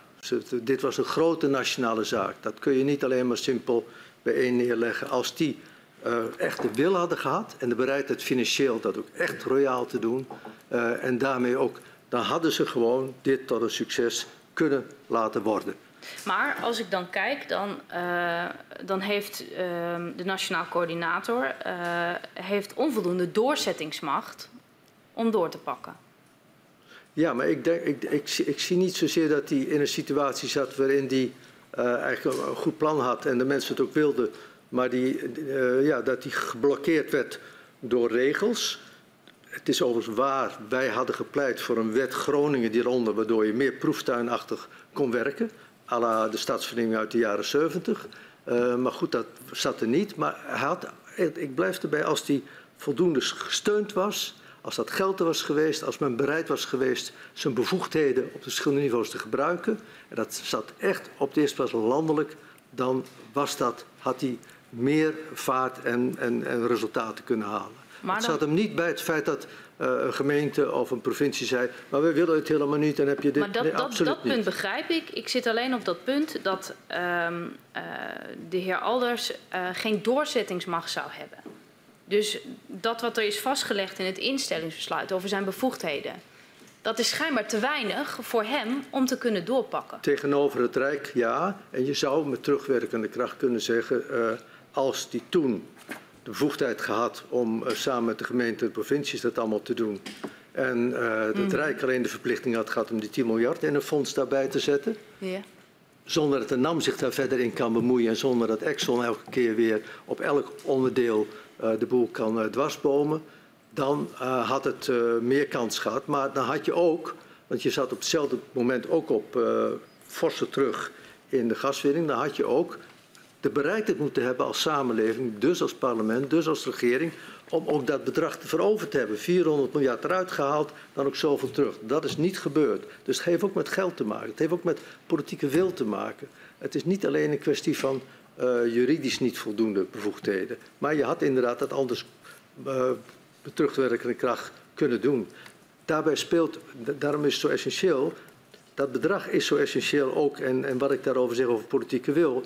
Want als je natuurlijk had gezegd, ja, bedrag hebben we niet, u moet verder voor de schade daar zijn. En u redt zich maar als provincie en gemeente. Ja, daar waren we sowieso de mist in gegaan. Want dan, dan had, had men zich uh, verklaard van... Uh, uh, ga verder maar afgeschoven. En we voelden ons toch al af toe ja. afgeschoven.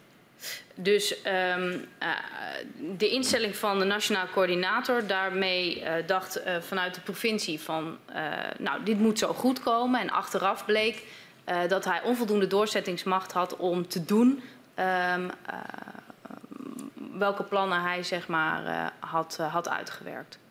Macht komt van vanuit verschillende mensen die je dat ook moeten gunnen en geven, politiek en qua geld. En dat is onvoldoende gebeurd vanuit ja. de Rijksoverheid, de regering. En dat is niet een apolitiek iets. Daarom het zit ook niet primair alleen maar bij ambtenaren. Dat, zit, dat is echt bij politieke wil. Ja. En uh, gewoon dat was onvoldoende uh, vormgegeven. Dat is ook niet alleen minister Kamp. Dat raakt de hele regering. Ik ben niet voor niks ook bij uh, premier Rutte geweest om dat te bepleiten allemaal. Dat op een andere, royale manier te doen. En dat is gewoon weggeschoven en niet gedaan. Want uh, nee, uh, dat moet Henk maar doen. Dat vormt op zich een, een brug naar um, waar ik met u nu over wil spreken. Dat is eigenlijk de verschillende lagen van het Huis van Thorbecke. En meer in algemene zin het bestuurlijk overleg uh, naar aanleiding van alles wat er gaande was uh, vanwege ja, de, de aardbevingen als gevolg van gaswinning. In eerste plaats even de regio zelf. de afstemming met de gemeente. Ehm, hoe, hoe, hoe had u dat vormgegeven? Het, het, het, beroemde Ekenstein-overleg, uh, dat is een plek bij Appingedam, een hotel, en dat, die was ook behoorlijk in de, in de, in de scheuren geraakt. En wij dachten, nou, dat is de goede plek om het dan ook te doen. En we kwamen daar regelmatig bijeen, dat we soms één keer in de maand, soms wat vaker, of met een specifieke groep, als we wat wilden overleggen en uitdokteren. Ehm, daarin werd werd op een gegeven moment, dat kwam al een beetje denk ik door die rol die ik had uh, na dit 1 miljard, et cetera. Want dat was zelf niet mijn portefeuille, maar werd ja. ik toch in die rol gezet. En nou, ik denk dat zowel in de samenleving als voor de, voor de mensen die als bestuurder zaten, men het wel prettig vond dat ik die rol vervulde om iedereen bij elkaar te halen en ook ja. uh, dat debat te voeren. En wat dat was uw rolverdeling? Dat hele jaar gebeurd. En wat was uw rolverdeling dan met uh, de gedeputeerden? Uh, heel simpel, de, hij was de vakgedeputeerde ja. die als het ware de, de Groninger provincie geluid ja. liet horen. Ik was de commissaris die als het ware een beetje boven met de verschillende partijen ja. die die rol speelden. En zorgde er ook erg voor dat mensen gehoord werden, aan bod konden komen. En meestal lukte het ook vrij goed om dat tot eensgezindheid te brengen. en het was hetzelfde bij uh, de Vrijmesdag, Moorlag en uh, later Eikenaar. Hadden die allemaal, alle drie waren hè, ja, diezelfde rol? Bij, ja, ik, ik, denk dat dit, dit verhaal van Eikenstein mm -hmm. is vooral in de periode uh, tussen dat, dat moment waarop we die brief krijgen ja. in, in, Januari in en, ja. en dingen eisen in de commissie Meijer, ja. tot en met dat akkoord. En daarna, dan, dan, dan krijg je dat dat akkoord in de praktijk ook omdat er heel veel glazen is over de versterkingsnorm en welke dingen er allemaal spelen. Dan is er, is er heel veel gedoe. Dan moet er een aanvullend akkoord komen. Dat komt pas in 2015. Ja. En rond die tijd, Ja. eh, en dan komt ook die nationaal coördinator en dat, die nieuwe publieke regie, Mhm. dan eh vindt er een ander soort vormen van overleg plaats. Dat is eigenlijk een beetje na mijn tijd ontstaan. En dan is het meer de gedeputeerde die het in portefeuille heeft Ja. met de burgemeesters Ja. uit de regio. Ja, ja. Ja. Ja. Ja. Had u nog eh, specifieke banden met eh, burgemeesters die, zeg maar, zoals de, de heer Rodeboog, eh, in een gemeente zat waar de impact ja, echt heel erg groot was? Ik, heb, ik, heb met, met, ja, ik heb met Rika Pot, eh Appingedam, Mhm. Daar speelden behoorlijk eh, ingewikkelde kwesties, wat intensiever overleg. Ik had met Eemsmond Mhm. toen, van de Beek, eh, eh, dat overleg ook. Eh, de, er was al eerder, hadden wij geprobeerd om Delfzijl te helpen om zijn binnenstad te, te, te reconstrueren. Daar speelden allerlei kwesties, laten we zeggen, voor steden- stedenbouw en, en ruimtelijke ordening. En daar had ik met Emma Groot ook wat intensievere contacten met Henk Bakker de, van Bedem.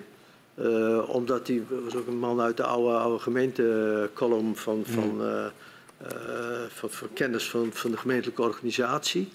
Ehm, en ehm, speelde ook met Ten Boer, omdat hij die, dat in wezen het ambt- ambtelijk apparaat van de stad eh, voor Ten Boer het werk deed, Ja. maar die daarmee veel kennis opdeden. Dat Ja. heeft ook geholpen toen later Mhm. eh, de stad ook een deel van de stad in 2014 ook geraakt werd en daarmee ook politiek veel meer in het eh, beeld kwam eh, in het geheel.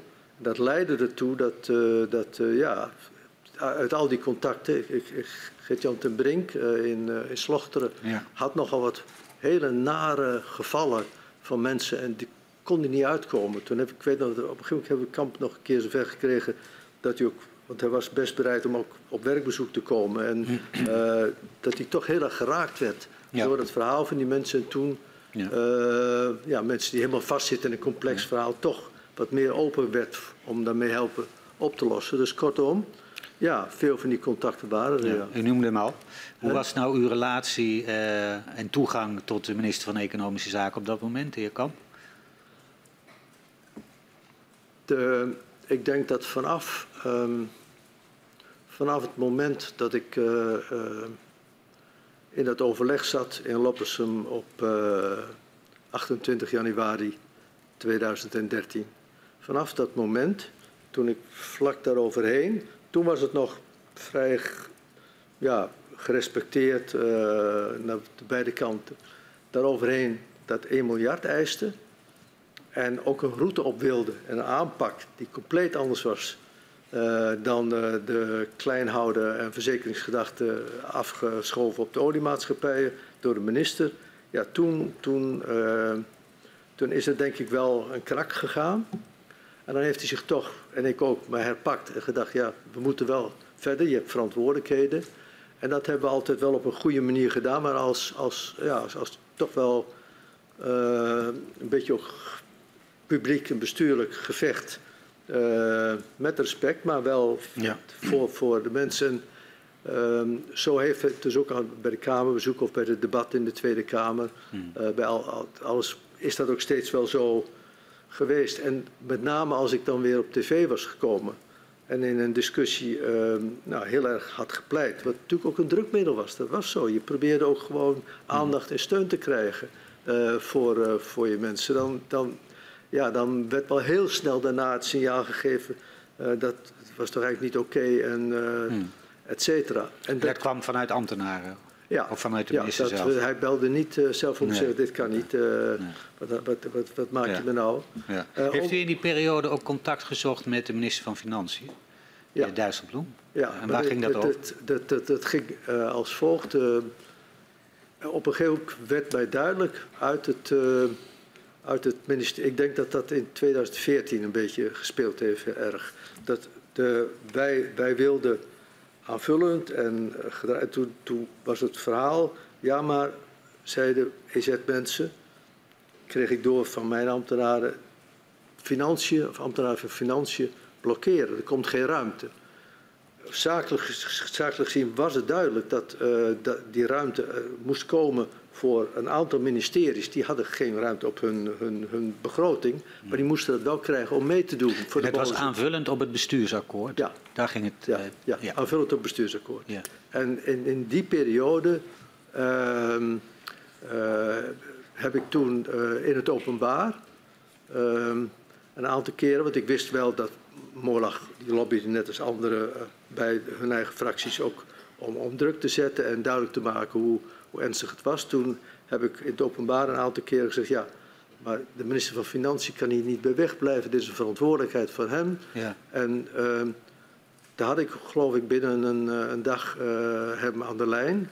En toen zei hij tegen mij, luister eens, ik, ik blokkeer dat niet politiek. Uh, ambtenaren van mij hebben natuurlijk de opdracht om altijd heel zuinig te zijn en dingen terug te duwen. Maar politiek is er gewoon de ruimte als dingen gedaan moeten worden. En nou, dat hebben we weer teruggegeven aan Kamp en, uh, en zijn ambtenaren. En vanaf die tijd heb ik Kamp op die manier ook niet meer horen hmm. spreken daarover. Ik denk zelf dat uh, uh, bij, de, bij, de, bij de minister van Financiën ook een uh, groeiend inzicht is geweest in wat dit eigenlijk allemaal betekende. Natuurlijk politiek, maatschappelijk, uh, ja. onopgelost steeds groter wordend probleem. Mm -hmm. Maar ook wel dat, uh, ja, dat, dat het kabinet mee moest bewegen, wilde er überhaupt een ja. overeenkomst komen. En u zei al eerder in het gesprek dat u ook een keer, uh, misschien wel vaker, contact heeft gezocht met de premier. Hoe ging dat en waar, waar heeft u met de heer Rutte over gesproken? Ja, met met premier Rutte is het zo dat um, een aantal keren hebben we hem ontmoet omdat hij dan op werkbezoek was of uh, gewoon zelf kwam uh, of in, een andere setting er was en dan hebben we gewoon normaal gepraat. Um, op een gegeven moment in, dat, in, de, in dit jaar 14.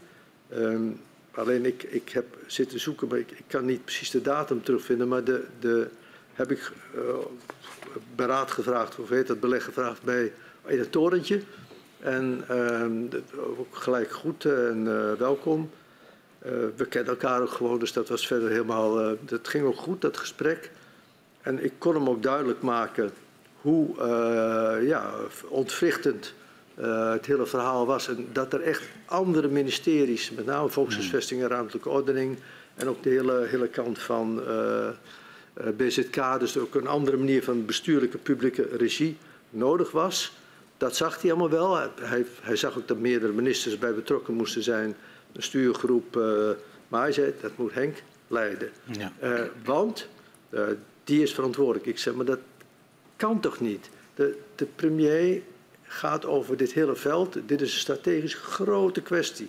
En het raakt heel veel mensen. En de, het vertrouwen van mensen is Holland de deur uitgegaan. Want toen was het al behoorlijk gedemoniseerd. Ook omdat er in de praktijk van de echte verbeteringen heel weinig terecht kwam. En toen uh, zei hij, nee, ik, dat, ik vind niet dat dat ja. moet, moet En het was doen. duidelijk in het kader van, uh, u was zich hard aan het maken voor aanvullende maatregelen en ja. budgetten bovenop uh, het bestuursakkoord, een bredere aanpak, breder dan ook EZ, meerdere ministeries. Heeft u met de premier ook nog op dat moment indringend gesproken over het productieniveau en de noodzaak om proberen dat nog verder omlaag te brengen? We hebben volgens mij toen gepraat over het feit dat uh, een deel van waarom dat vertrouwen ook uh, stuk uh, aan het gaan was, mm. was dat men um, zag dat het eigenlijk alleen maar meer was geworden. Mm. En dat gewoon die bereidheid om ook een stap terug te doen op dat punt niet overkwam. Mm. En dat daarmee de Groningers ook het gevoel hadden, je haalde wel heel veel uit. En het hele verhaal en het geld maar het geld is belangrijker dan onze veiligheid. En dat absoluut daarin stappen moest zetten. Dat is overigens iets wat we vervolgens ook via de, die, volgens mij de beide lijnen van die coalitiepartijen ook wel behoorlijk hebben uh, zitten drukken. En hmm. ook uiteindelijk wel tot iets geleid is, mondjesmaat. Uh, maar um, het was zo dat um, hij daar, uh, ja, hij, u hebt enige ervaring met, met het overleg op op het punt van de premier de, de, uh, uh, met elkaar. Uh, ja, hij, hij, hoorde het heel goed aan. Had ook mm. in tegenstelling tot Kamp, die veel harder en afhoudender daarin was, kon hij ook meedenken en dat ook zien, maar vervolgens er niks mee doen. En u zegt, u heeft het ingebracht, ook eh, om te aan te geven dat er weinig draagvlak en geloof nog was, ja. vertrouwen. Maar heeft u nou ook nog specifiek gepleit voor een bepaalde stap in de naar beneden brengen van de productie in dat gesprek met de premier? Nee, ik zit even te denken, volgens mij hadden wij toen ons bezwaar al ingediend. Dat was in begin 2015. En u, zegt dit gesprek okay. vond plaats in okay, 2014. Dat, dus dat, dan, dat kan dan, dan, niet. dan hebben wij dat pas in... in uh, toen, eigenlijk toen, toen het officiële besluit was, toen konden we ook pas natuurlijk uh, ja. bezwaar indienen. Ja. Onze positie hebben we steeds duidelijk gemaakt. Ja. En uh, volgens mij is er ook wel uiteindelijk een, een hele kleine uh, teruggang in de bijstelling geweest. Ja, maar er was, kijk, in januari 2014 ja. wordt een ja. besluit genomen, uh, ja. max 42,5, 80% Loppersum sluiten. Correct. En de vraag is even of u in het gesprek dat later in het jaar plaatsvindt, nog specifiek bij de premier nee, heeft aangedrongen geen, Ik heb een... geen getal, gewoon de, de, de formule die we steeds hanteren, aanpassing en zoveel mogelijk als uh, verantwoord is uh, nu omlaag. Ja. Nou, we hebben het gehad uh, over de relatie met de ambtenaren, met de ministers en dan hebben we ook nog de Tweede Kamer. Um, in hoeverre ja. had u contact met, met de Kamerleden? Uh, veel. omdat de, de, ze waren allemaal ook in Groningen vertegenwoordigd en ze, um, ze kwamen ook op werkbezoek.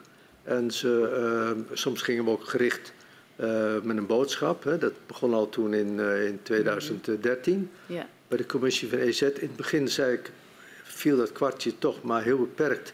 En vond men het waarschijnlijk zelf ook heel lastig om te overzien wat er allemaal speelde. In ieder geval, men wist niet de boel uh, klem te zetten en, en met elkaar een meerderheid te maken. Later, en dat is vrij snel gegaan, is, is de Kamer veel meer aan onze kant gekomen. Dat had ook iets te maken met, denk ik niet zozeer dat is aan mijn kant kwam, maar gewoon aan de kant van de Groningers, van, van de bevolking. Maar toch ook wel breder, uh, zowel oppositie als uh, regeringspartijen het gevoel, dit, uh, dit is toch gewoon een, een, een, ja, iets dat gaat een beetje boven partijpolitiek uit. En eerlijk gezegd was dat de toon en de manier van handelen die ik ook graag wilde, omdat ik dacht daarmee... Daarmee bereik je elkaar en dan zet je elkaar ook niet klemmen. Dan en, en wanneer was dat kantelpunt? Want u geeft aan van nou, eigenlijk als ik als u kijkt naar de rol van de Kamer, was dat in het begin nog niet zo uh, op de manier uh, waarop de provincie Ik denk dat in de loop van 2014 al dat wel plaatsvond. En uh, daarna in 2015. Ik, ik, moet wel zeggen dat de Kamer zelf heeft zich... Um, ja, nou in ieder geval, ik, ik heb me behoorlijk ja, negatief aangepakt gevoeld... Door, door de uitlatingen van een aantal Kamerleden op het moment dat ik die miljard. Voor de, ik moet zeggen dat zelfs uh, Kamp dat in het openbaar niet deed.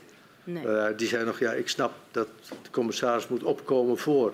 Maar er was, er was blijkbaar ook een soort, soort, soort sentiment bij een aantal mensen van... ja, daar heb je ze weer, komen ze weer wat vragen. Nou zeg, 1% van de totale vestgelden is uh, in Groningen en in Noord-Nederland terechtgekomen. Van al die structuur gasgelden. Ja. Uh, dus, dus daar heb je ze weer, kom. En u, u, gaf al aan net uh, eerder in het gesprek, uh, dat, dat, was een Kamerlid van, van de VVD en van de PvdA, de coalitiepartijen die, ja. dat, uh, ja. nou, die daar wat van vonden. Um, hoe gaan die contacten dan? Heeft u, heeft u daarna nog via die partijlijn. Dan, dan loopt het vooral via, via Moorlag als okay. gedeputeerde, die, in dit geval PvdA. En dan zijn er weer anderen die dat doen met D66 of met. Het is gewoon de, de beetje het klassieke werk ja. van lobbyen en, en dingen doorbrengen. Uh, maar ik moet zeggen dat uh, op een gegeven moment alle fracties geïnteresseerd waren. Toen, toen werd het veel opener. Ja. En er was ook, men wou ook meer inhoudelijk weten hoe dingen lagen. En het was ook hartstikke lastig voor de Kamer om haar controlerende rol goed uit te, uit te voeren. Want je, je had die informatie nodig om ja. dat goed te kunnen. Want op welk moment had de Tweede Kamer nou anders kunnen besluiten? Ik, ik denk dat een, de, er zijn twee momenten waar ik. Uh, het eerste is uh, in, in februari 2013. Naar mijn gevoel had toen ehm, men politiek, als het ware boven de, de coalitiebelangen uit, moeten zeggen met elkaar: mensen, hier is iets aan de hand. Dat moet gewoon op een ander niveau. Wij gaan achter Groningen staande minister, u moet nu een aantal stappen zetten en niet uitstellen. Daar gaan we niet mee akkoord. Mhm. En dan had je nog over de vormgeving en de mate waarin we allemaal kunnen praten, maar uh, dat had uh, gekund en gemoeten. Dat is één. En, en, het, en het tweede is, ik, ik, naar mijn gevoel hadden de Groningen Kamerleden bij elkaar allemaal redelijk goed door toen we in uh, Melkema bij elkaar waren geweest in Huizingen. En die hele samenleving zich erachter stelde en ook provinciale staten unaniem hè, uh, van, uh, van alle partijen dat steunde, had dat momentum kunnen pakken. Gewoon door initiatief te nemen als Kamer, nu trekken naar ons toe, wij vragen. En uh, natuurlijk hadden dan de coalitiepartijen wel weer gestijgerd. Zoals alle coalitiepartijen altijd een beetje stijgeren als ze in die rol zitten. Maar dan had men door het moment toch eroverheen kunnen stappen met elkaar. En zeggen, dit, dat, ja. En dan, dan tot slot uh, geloof ik dat, uh, uh, maar dat, dat is een stapje verder, dat je naar nul gaat, is fantastisch. Dat je dan de versterkingsopgave schrapt die door de hele, door de hele met die samenleving, alle afspraken zijn gemaakt en de mensen weer terugduwt, is gewoon onverantwoord. Dat is het tweede moment waar de Kamer anders had, de had derde, kunnen, derde. derde, derde uh, anders ja. kon uh, kunnen besluiten. Um, ik ga even naar mijn collega uh, Tiele. Ja, ik heb nog een paar uh, vragen naar aanleiding wat u heeft uh, verteld, meneer Van den Berg. U zei net, uh, er was gevraagd naar uw contacten met de minister van Financiën, minister Dijsselbloem. En u zei toen, ja, na, maar, ik parafraseer een beetje, maar u zei na mijn gesprekken met minister Dijsselbloem heb ik minister Kamp eigenlijk daar niet meer over gehoord. En ik vroeg nou maar af wat dat daar was. En daarvoor had u het over de politieke ruimte. Kunt u iets meer vertellen wat u daarmee bedoelde?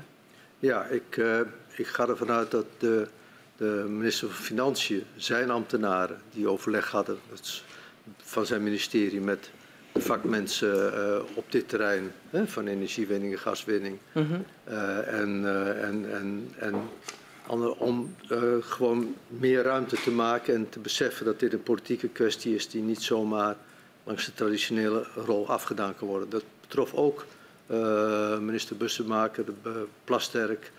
Dus de verschillende ministeries die budgetten nodig mm -hmm. hadden en die het niet hadden om dit te kunnen doen. En op dat vlak. En waar, waar wilde u precies de politieke ruimte voor creëren? Geld voor die verschillende onderdelen, zodat men niet terug moest naar de NAM of die alsjeblieft ook iets mee wilde de betalen. De onderdelen uit het bestuursakkoord ja, ja, met name. Ja, ja, en dan het, ook het aanvullend akkoord, want dat was nog iets iets groter en iets meer. Ja. En dat, is, dat is steeds ook een beetje stuk gelopen op onderdelen. En ook in de beleving van heel veel Groningers bij de uitvoering, omdat dan uh, in de uitvoering in één keer men toch niet kon starten, omdat men eerst weer bij de NAM terecht moest, et cetera. Ja. En ik heb trouwens... Dus het ging zowel over het geld als ook de route om dat geld beschikbaar ja. te krijgen, begrijp ik van u.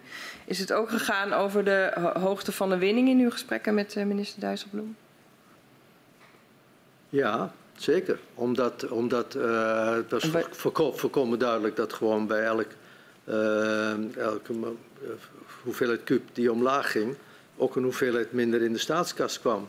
En dat stond natuurlijk ergens op een bepaalde manier ingetekend in die, in die miljardenbegroting. Mm -hmm. En, dus en welke moest... ruimte heeft u daar proberen te creëren? Dat, dat hij bereid was te accepteren dat gewoon die uitgaven omlaag zouden gaan. Uh, en dat dat niet meer het argument was van anders kan ik mijn budgetten. En hij zei dat kan ook. Dus hij, hij, hij, heeft mij in ieder geval toen wel overtuigd dat hij zelf gewoon, uh, misschien was dat ook de stand van de financiën of, wat dan ook, maar dat, dat er ook ruimte was om ehm, met minder eh, genoegen te nemen. En, en dat was natuurlijk ruimte die, die politiek, want dat speelde elke keer in een discussie. Ja, maar dan gaat het ten koste van sociale zekerheid of van een ander ding. Ja. Dat is altijd gewoon in een begroting. En ik, ik heb... En u, u, u, u, vertelt het. Uh, u vertelt het op een manier dat ik nog niet helemaal een beeld heb hoe, de, hoe die gesprekken gingen. Kunt u me daar ietsje meer kleuring aan geven? Um, het gesprek voor de telefoon um, ging um, specifiek over. Hij zou een blokkade hebben gelegd met financiën. En welke periode was dit nog? Uh, welke datum? Ik praat over 14. Begin 2014? Nou, misschien iets later. Oké. Okay. En de. Uh, en de En ik wilde gewoon dat hij uh, uh, niet meer als minister van Financiën alleen sec in die rol, maar dat hij gewoon politiek zijn verantwoordelijkheid nam. Mm -hmm. En dat in ieder geval niet langer bij EZ gezegd geworden, uh, er is geld niet voor. Hè? Sorry, maar dat, van Financiën krijgen we dat niet. Dat wilde ik opheffen. En dat ging over de objecten die ik net noemde. Dat waren mm. veel zaken en die speelden op meer, meerdere ministeries. En in ieder geval van de ambtenaren van de EZ, want dat werd steeds weer teruggegeven aan ons in het noorden. Ja, maar we hebben dat geld niet, et cetera. Mm -hmm. Of in Groningen. En dat hoorden we toen niet meer, dat geluid. Dat is gestopt. Um, en op zichzelf is er ook meer ruimte gekomen. Uh, uit, uiteindelijk in die meerjarenaanpak voor een meer gebiedsgerichte aanpak. Alleen toen bleek toch in de praktijk, als puntje bij paaltje komt dat steeds weer opnieuw. Daar hadden we het net over de bevoegdheden, doorzettingsmacht. Maar ook gewoon is er voldoende geld, politieke wil, dat dat, onvoldoende ja. functioneert. Ja, okay. En dan kom ik weer bij de premier terug en denk, ja, dat, dat, daarom wilde ik zo graag dat die, als het ware, die samenhang erin bracht en er doorheen ja. iets de boel hoger zou plaatsen. Een nationaal belang waar de Groningers recht op hebben. Ja. U zei ook, uh, hè, de samenwerking in de, in de regio ging eigenlijk best wel heel goed. Hè. We wilden samen optrekken. Kunt u een, uh, een situatie geven waarin u zei, ja, daar ging dat eigenlijk toch eigenlijk niet zo goed als ik had gewild, dat samen optrekken? Ja, in, in, in eerste instantie, uh, dat is ook een klassiek voorbeeld in de, in de Groninger setting. Um, we hadden een waardevermeerderingsregeling mm -hmm. afgesproken in het uh, van het uh, rapport uh, Meijer. En die waardevermeerdering leidde toe dat je 4000 beroep kon doen als je schade had gehad of nog een aantal andere situaties. Ja. En dan kon je je huis verbeteren voor duurzame maatregelen. Dat speelde voor ehm, zeven gemeenten. En toen kwam de, de aardbeving in de stad de stad was dat dan toen niet onderdeel van ja. bij ten Boer, ja, ja. was niet onderdeel van uh, dat geheel geweest. En toen kwam die aardbeving bij ten Boer en die werkte door in een aantal grote stedelijke wijken van de stad. En was ook voelbaar tot, tot in het gemeentehuis en provincie en, en bij, bij, bij, bij de hogeschool, et cetera. En die, dat leidde ertoe dat de stad politiek een zware gewicht werd in het debat, maar ook dat ze recht hadden op die waardevermeerderingsregeling. Dat werd natuurlijk uh, gezegd ook in het overleg wat we hadden onder elkaar. En toen? En toen zei uh, uh, Loppersum, ik denk burgemeester Rodeboog, ja, nou zit ik wel met een groot probleem. Ik het is een gelimiteerd bedrag, 125 miljoen, -hmm. wat er voor is. Als daarin een zo groot gebied mee gaat doen, waar blijf ik? En toen ontstond er spanning, want principieel had natuurlijk iedereen hetzelfde recht. Ja. Je kunt niet zeggen, hey, ik, uh, omdat je uit Bijm komt, tel je niet mee en uit de boer wel. Uh, en dat zouden de Groningers zelf ook niet zo zien. Maar ja, dat, toen kwam Stad en Ommeland even heftig. En dat werd een uh, hele stevige discussie. En uiteindelijk is toen gezegd via nakalculatie, we, we zoeken dat uit, we vinden een weg. Ja. Maar het moet gewoon voor iedereen. En dat gaat niet ten koste van de mensen in een van die zeven gemeenten. En later is toen ook Menterwolde en Hoge Zand. Dat zijn ook grote gebieden eigenlijk zijn er ook bijgekomen op diezelfde manier. Dat werd ook onderdeel van het aanvullend akkoord. Ja. Hè? En u zei toen was het toch lastig om samen op te trekken, omdat toen ineens de belangen zeg maar, uit elkaar begonnen te lopen? Ja, en dan, en, dan, en dan moet je ook zeggen, gewoon mooi dat uiteindelijk we nog in, uh, ik weet niet of precies in diezelfde vergadering of vlak daaroverheen, maar of toch beseften, we moeten elkaar vasthouden dat we elkaar gevonden hebben. Dus in het algemeen een typisch fenomeen in het noorden, we zijn met niet zoveel. We zijn nogal uh, verspreid en als je elkaar niet vasthoudt en soms de belangen elkaar koppelt, lukt het je niet om uh, goed uh, voor je rechten op te komen. Dus dat is toch uiteindelijk gebeurd. En nog één kleine vraag.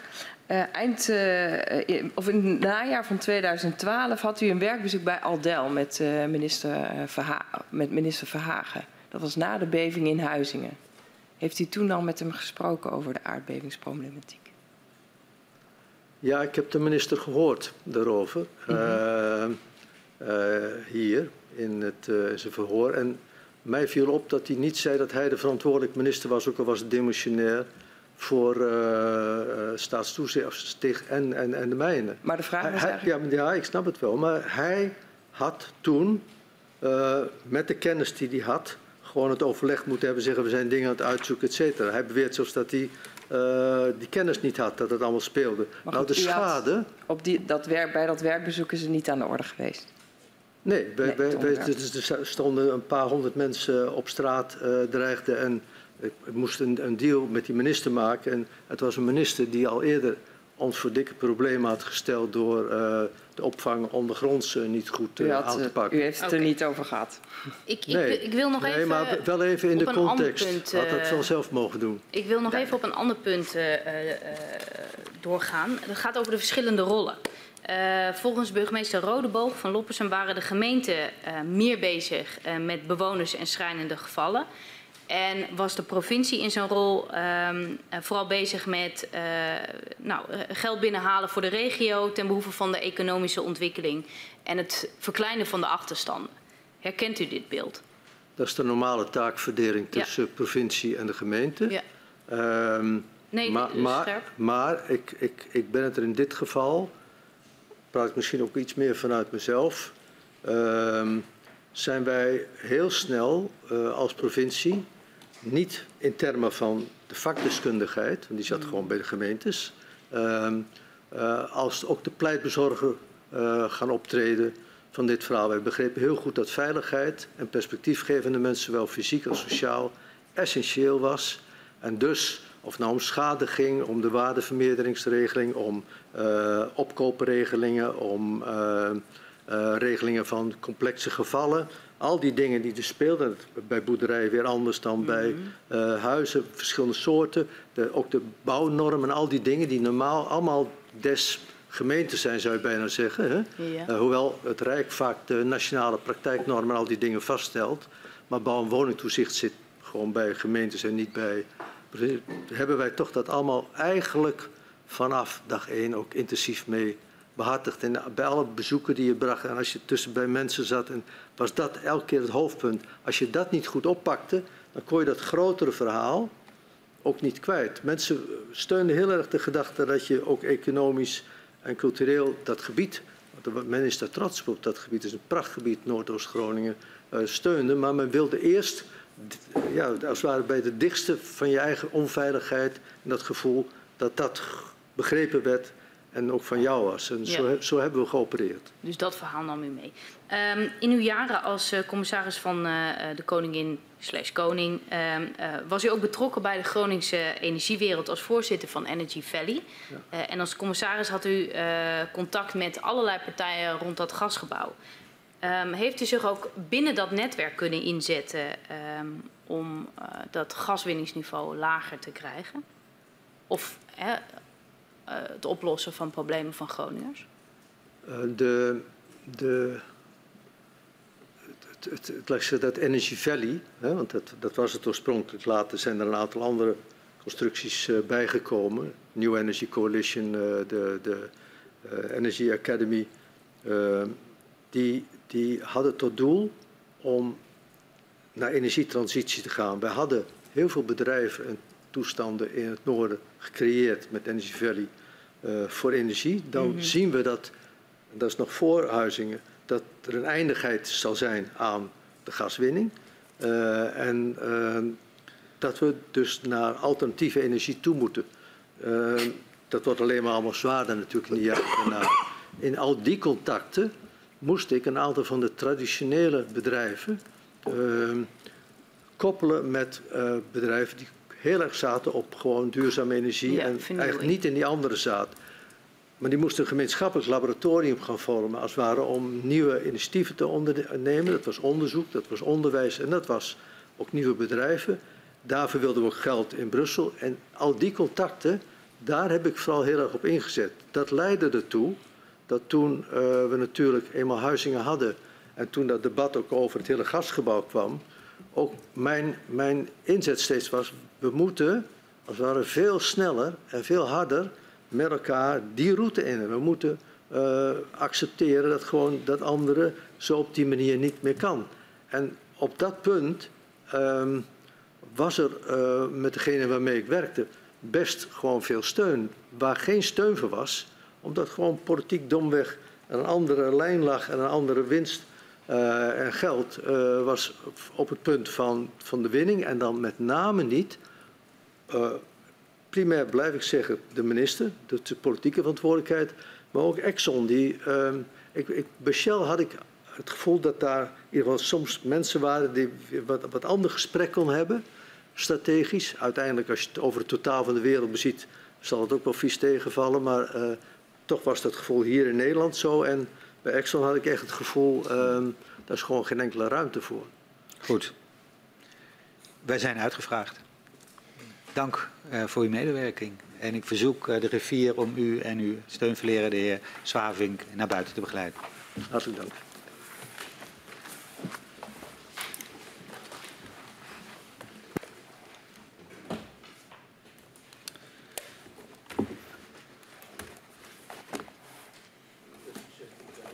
Bedankt. Dank u.